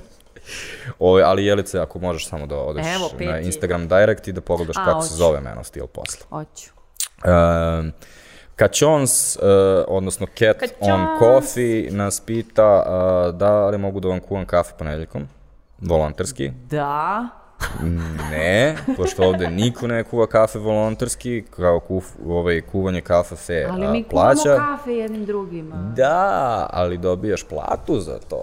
Gorane, čak i ti meni kuvaš kafu dva puta Jeste, nedeljno. poenta je u tome da praktikanti ne kuvaju kafu, A, ne, taj ono, ne. čuveni, ono, čuvena rečenica. Ovo je bilo tri stolu. Ja sam- pitanja, ja, ja sam da. odgovorila. Ja sam zbunjena zato što sam fazonu, kad Ne želim on svoju Želim da kafu. kafu. ne pravi nego- dobru kafu, Da. ponedelja kafa, kafa dobro. Zašto da ne? Kad će on može da se ušeta u ovu kancelariju Kad god god želi, ovaj, uvijek Ali ima slobodno, slobodnih kuvati. stolova. Bukvalno, Mi ćemo tebi kafe ovako pritiskanje jednog dugmeta. Deci. E, jako komplikovanog dugmeta. Niko ne Dobro, zna kako da. koristi naš aparat za kafu, to je posebno ono drugo. E, uh, sad ulazimo u uh, objašnjavanje našeg, našeg HR procesa. Znači, počet ćemo sa pitanjem od Johnsonova, a Johnsonov, kao muški rod. Ovaj, čime se sve bavite, bukvalno ukucaš žiška rs šta sve radimo. sve radimo, da. I u Google izaći će ti članak šta sve radimo i onda možeš da googlaš kako hoćeš. Kada će biti novog zapošljavanja, ukucaš žiška rs praksa i vidjet ćeš tamo ovaj, um, ovaj, šta, uh, ono, svaki uh, početak januara i svaki početak maja su za, rezervisani za zapošljavanje i tada se dešavaju naši konkursi uvek. Ovaj, čak ćemo uskoro objaviti i stalno otvoren konkurs za Digital Something Whatever, samo se javite u tom periodu kada organizujemo taj konkurs. A, onda pitaju Despicable Blimi, Ovaj, pita da li postoji optička grafički dizajn i stažiraju kod vas? Da, ali ne postoji stalno i redovno kao što postoji naša standardna praksa. Ovaj, tako da nastavi da pratiš naše kanale, što bi rekao naš ovaj, community management default odgovor. Um, iskreno, Aler Goga nas pita, iskreno recite da li dobijate 1000 CV-eva dnevno ljudi koji hoćete rade kod vas? Gogo pravo ti kaže mi ne baš. Ne. Ovaj, uh, zavisi za šta, u smislu neki ljudi, ono, Zavisi za šta nas ljudi prepoznaju, a mi smo sad narasli kao tim toliko da ovaj, ono, ne treba nam samo digitalci da, koji nas najviše da. znaju, nego nam trebaju i uh, ljudi koji se bave videografijom, i uh, kreativci, ovaj, i uh, producenti, i medijaši, tako da ono, sve zavisi sa čime, ono, sa čime izađemo, kao postoje oglasi za posao na kojima baš kao ni nemamo nešto pretrano. Ono. Pa, da. Ono što jeste ono, najuspešniji naš projekat je, jeste naša praksa. Yes. Ove, I tu, tu imamo sad jako veliki broj prijava, ja, dosta kvalitetnih prijava, dosta velike muke kako da organizujemo ceo taj proces, zbog toga što nekada smo imali, ono, kad se prijav, prijavljivalo 20 ljudi za našu praksu i ono, to jest 20 ljudi se prijavi na praksu, kao 120 se prijavi na Infostud, ali vidiš da, Da. su samo poslali CV. Mm. Kao sada imamo ljude koji kao su promislili stvari i kao imamo 50 ljudi koji kao zaista žele da, da rade ovde i kao znaju šta to znači za njih. E, sad imamo problem kako da organizujemo cijel taj proces mm. i kao da, da to ono, bude i ole smisleno. Uh, tako da, u slučaju da želite ovaj, da uh, radite u Žiški, imate uh, blogove, uh, ovaj, pregledao sam 2000 CV-eva i ovo su moji savjeti za vas, uh, kako da se postavi isto, ovaj, ukucate u Google to i Žiška RS, propratno pismo Žiška RS, ukucite u Google i uh, puškice za intervju, ovaj, uh, i generalno ono, kao pogledajte par naših podcasta i slično, ovaj, i onda će vam biti jasno sa kakvim uh, idiotima imate posla. I sada prelazimo na deo volimo i mi vas, odnosno ljudi koji nas dobro poznaju i daju nam ovaj malo lična pitanja, mislim da je okej da ih ispuštamo, da im odgovorimo na te stvari. Kao na primjer Alergoga koja pita kada će sledeći Sočko i Jelly. Serijal. Kada To je stvarno- alternativni naziv za, za ovaj deo, to je... Srpsko jelly, najmanja stvar koja je imala najjači impakt Da, na ono, ikada. komunikaciju. E, pa dobro, napravila sam uh, sa Nedom uh, juče serijal kučićih mimova. Možda ćemo to da zapakamo na highlights, eto nešto od toga. Ne, ne znam, neće biti Sočko i Jelly uskoro. Uh, Sočko nam sad trenutno nije tu, ali ne znam, smislit ćemo nešto. Imamo nekih ideja kako da... Neka osoba, reći ćemo da nije Sonja Filred, pita ili vam nedostaje Sonja? To je ta Sonja meni ne. koja ne doda Sonjka. da ja da čitam malo pitanje. Ako, pogotovo ako je za tebe. Evo, kada ćete napraviti žurki, ali sa Y? I da zovete svoje verne fanove na istu, pita Velimir Bulatović. Um, ovaj, ne znam kada ćemo pravimo žurku s ovaj, Skokiću za fanove i tako dalje. Ja- Imamo, sad pravimo žurku za naše ljude, pošto kao post-covid pravimo Da. team building, to je ono big deal. Ove, a možda bi moglo ti da odgo- odgovoriš ostalim ljudima koji nisu Velimir, koji sad pitaju šta si ti to čitala? Šta? Zašto će ferne fanove na isti i žurki? Šta je to? Šta je ovo je pitanje? Ja ne znam šta. Šta Ovo znači y i svugde i A, tako dalje? Pa, Objasni čoveci. To je jedan od jezika koji praktikujemo u Žiški, vrlo ozbiljno i posvećeno. E, nekima se sviđa, nekim drugim ljudima se ne sviđa. E, To je mim fora, kako ne znate to? Znate Pa dobro, to je Nakita, mislim, Naravno. ono, ovaj, Nakita je, započela. ali naš je kao malo modifikacija Nakitinog. Naše je bukvalno ono, nakita na steroidima. Pa tako se završavaju Previše. sve fore. Ono. I Previše Nakita je sada koristimo. Nakita na steroidima, ali recimo mi nemamo onaj deo sa golu, golhlub. ko- uh, kolub. kolub. To nemamo toliko. To je najbolji deo. Ali i imamo- baziramo se na Y-u dosta. Y, to je ali ono. tebi često napišemo korane, to je ta ideja. eto. Treba jezik baš onako rastezati i biti zao prema njemu. Već smo imali dosta podcasta o tome. Da, nećemo sad. A, kad, kad Čons nas pita koliko često preispitujete svoje postojanje. Jako redko, no nikad, bukvalno nula Šta puta sam postojanje? to preispitao. Boli me, dakle, postojim. Ne, vo- mislim izvezao se Kaćons. Ali mislim da, da je Kaćons to pitala zato što je od skoro ona preduzetnica i mislim da ona sad preispituje mnoge stvari puno. Um, ne, mislim, ono, proći će. Sve će to proći. I posle pet godina ti bude bolje, otvoriš podcast i onda... mm, Da. Koja je najluđa pesma koju ste pustili u ofisu naglas? Ovo je baš dobro pitanje. Da. Stefane, ti znaš? znaš kao da znaš? Čekaj, najluđa, najluđa. Možda indijska obrada pesme Moonlight od XXX Temptation. E, pustali, puštali smo jedno vreme neke, nekog Turčina, toga sećam, to mi je baš bilo... Onaj Tuk Turk. Ono, ton, ton, ton, ton, Da, ton, ton. Ne, puštali smo baš svašta. Baš svašta. Mislim, prve albume Južnog Ne, vetra. s- o- od Silvane do Nirvane je nedovoljno široko da Ne, obuhvati to je stvari. bukvalno Zato što Ja, ispod usko. Silvane postoji Ja, more. A iznad Nirvane postoje ono Dream Theater, Dragon Force i ono Sabaton koji kao fazon redovni četvrtak. Da. Tako da ono. To samo kad ste Daxi ti. Ne, ako se ja nakačem na ono, to obično ima ono. A sada vaš eh, prog, re- eh, prog metal eh, Ne, znam što je ovaj blok. najbolja muzika koju slušamo. Vugija Vardruna, što je kao neki, uh, neka obredna muzika sa severa Skandinavije. Joj bože, ili Miloš Kokić kada, krene, kada odgleda seriju. Dobro. I onda dođe u ponedeljak i Sa onda zasedne na zvučnike i pusti soundtrack. A ono, gledao je onaj teror uh, sa onim, kako se zove, Mans Raiderom iz Game of Thrones, a ono, znaš ono, zvukovi broda Ali nije, koji je Vardruna, nasukan na Antarktiku. Vardruna je malo više... ne, to je neki kit se javlja. Vardruna je čak i uznemir... Mislim, više me, mene više to uznemirava. Očekujem neki pokolj jaganjaca negde tamo. I ja očekujem kuhinje. koliko je sati. Baš bude. Mislim da je e, najveći šok u stvari bio kada, uh, kada je Bojana preuzela prvi put i pustila normalnu muziku. Da, su svi ulazili Da. bili u fazonu šta se dešava? Da, mi smo bukvalno kao- imali uh, kulturni nokaut nas je sve zadesio. Mm. Bilo ono što se ovo Odlična je bila ta muzika. Da. Treba više takvih stvari. Mislim da je čak pustila Ono, neki i Frank radio. Sinatra je bio u jednom trenutku, mi svi kao... Wow. Možda je Veljko jedini bio okej s tim. da, Veljko, ko- Veljko koji je bio maltretiran zato što je puštao normalnu muziku i kao, ljudi su bili fazon... E, ali čekajte da kažemo, dok smo stigli s tim, e, kupili smo Radulea u karaoke mašinu. Da, Radule koji radi na svom, o to možda niste ukačili, ali kao bacili smo par fora u tom fazonu. Radule ima sada svoj uh, novi passion projekat koji nije nigde live, znači samo je ono uh, eksperiment U uživo ovde sa Da, nama. da. A to je da peva glupe, baš glupe pesmice. On prvo smišlja. Ne, ne. Da. on prvo- On je autor. Mm.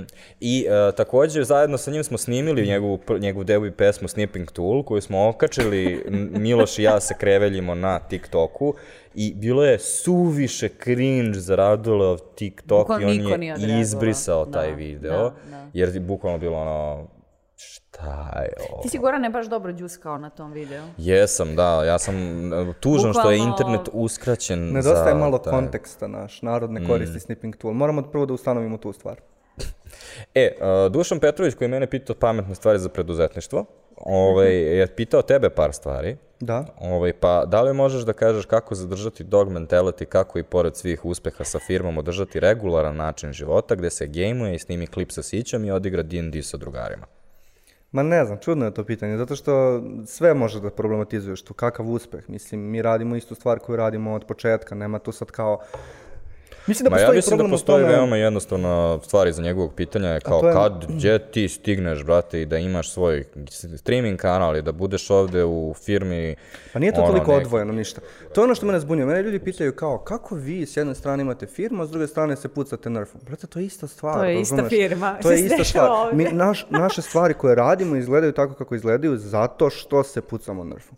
Mislim, nije bukvalno tako, ali razumeš poentu. I onda kad mene pita, ne znam, Dušan, zašto ja stižem da streamujem, pa zato što i kad ne streamujem nešto snimam, radim nešto sa opremom, prirodno mi je to stanje da, napravim, da pravim neki sadržaj i u mojoj glavi to nije kao ja na poslu ne kupujem ono dodatno vreme da bih streamovao, nego dok streamujem učim o svom poslu. Tipa to je primjer koji sam često navodio. Znaš koliko sam ja bolje hendlovao online konferencije zadnjih godinu dana. Ja sam bio jedina osoba na svim konferencijama koja je ono totalno bila comfortable sa chatom koji ide, sa kamerama, sa svim stvarima zbog streamovanja. To je samo jedan primjer. Postoji milion spillovera, to jest mafinizacija koje nastaju Zajeba, zajebavancijom, streamovanjem i radom u agenciji, to je sve ista stvar, to je ista vreća stvari, it's all fine, it's all good, nemojte da vas neko Pa samo da kažemo laže. da se D&D dešava upravo ovde za ovim stolom, Da. za ovih 300. Da, tako da, eto, odgovor bi bio, to je vrlo moguće, it's all fine. Aleksandra Pantić koja nas pita koja krema je dobra za zatezanje kože? Pozdrav! Aleksandra Pantić, znate ko je to? E, devojka iz kasata koja pojede i kaže, mani se ovo ništa ne sviđa. Jao, to I još ono. jedan. Kakav car. Najjače. E, ne znam šta bih joj preporučila. Ima razni krem. Da. Ja mogu da preporučim Jekoderm kao zatezanje kože kopački. Ne, Kao to je, ne, ono, posle utakmice treba da ih namažeš time, tako da... Ja razmišljam- that, I don't know. Kako mi se 30 nisu toliko približile da zapravo imam ono šest odgovora, nego ja inače tako kupujem sve brandove što jako vidite zato što radim u advertisingu, odem, Staneš ovako ispred. nešto izaberem i onda zaboravim, dešava mi se zaboravim koju kremu Ima imam sad, trenutno. znaš šta se pojavilo u Lili DM-u? Ja bukvalno sam otišla u ovu temu skroz. Pojavili su na primjer, neke nove koreanski proizvodi neki. Znaš It's kako ima skin. lepi. To je jako, Da, jako da. dobro. Čim vidim Eto, Koreja, Coko. ja, e, evo pare. Eto, Ceko, kada nam opet glumiš. Čim vidi Koreja stavim na pot. Ove, uh, kad Čons nas pita uh, kada ćemo se prijavimo za Ample nagradu Jelice. Kada? Pa Još kada? malo. Kada će da bude gotov video? Znači, kad će on snimamo video da prijavimo sve našu smo praksu. snimili, da, sve smo snimili. E, Gora sad ide na odmor, ostaje sve u montaži. Hopefully soon. Um, Medea Filija, Te, Teodora sa debat. Medea kao štrudlica. Teodora! uh, možda, možda su klime, možda devojka voli klime. Medea. Midea? Ne, Ne, Midea. a, I ispalio Medela su se. štrudlice. Ja sam se ispala. Ništa, aj Ne nastavi, veze. seci. Uh, a možda je i uh, Medea Nemoj, kao ne, moja... don't, don't go there. Teodoro sa debate pita kako je Milja tako cool. Pa Uh, mi- I'm just a channel uh, of Jesus. Ovo je Božije. Da, od Boga, da. Od Boga. Od Boga. Um, ali to nije prvi put da dobijamo to pitanje, znaš? Ti si baš imala nekoliko takvih uh, komentara čak.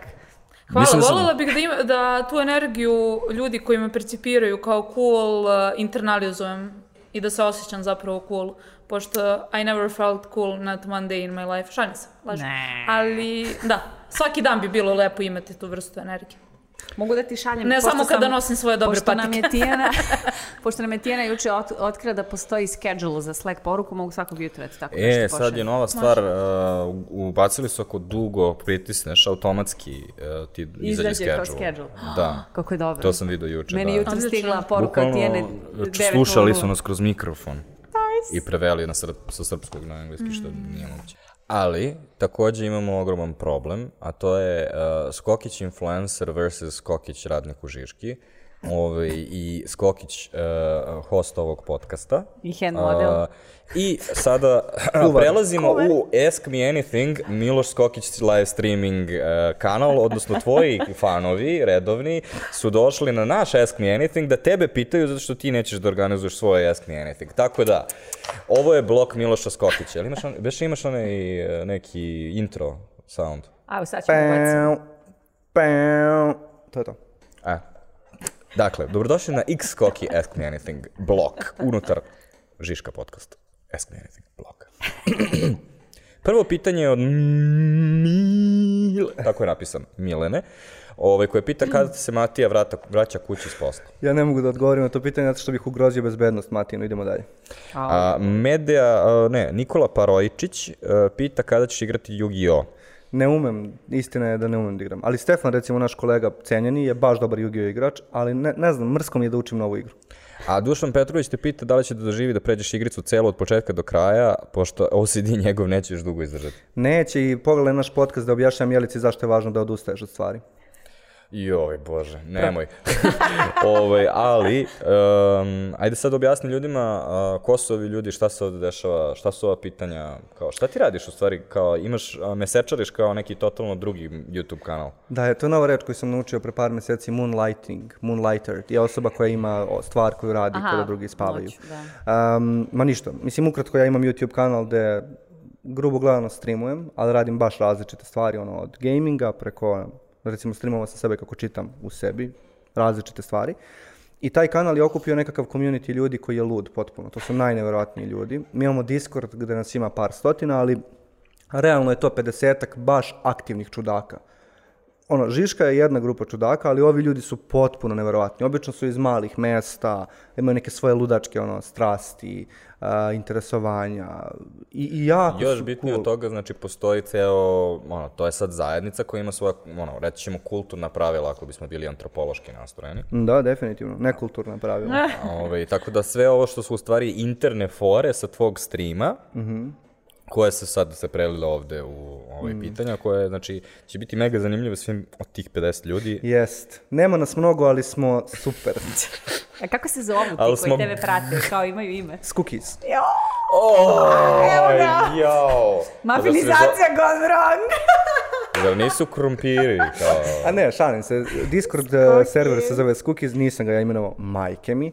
A da, krompiri se zovu. Ali to je, a to je sve mim, razumeš, to je zezancija. Ali poenta za mene je tu da, koliko god to delovalo čudno mojim kolegama u struci koji mi priđu i kažu zašto gubiš vreme tu, ja sam mnogo naučio radeći na tome, ali baš, baš mnogo. O građenju community-a, o tome kako, funkcioni, kako funkcioniše i ne funkcioniše video, o YouTube-u kao platformi, o copywritingu, o sebi kao ono, autoru. Bukvalno, za mene je to bilo worth it od početka do ovog trenutka. Вы слушаете Шишка подкаст.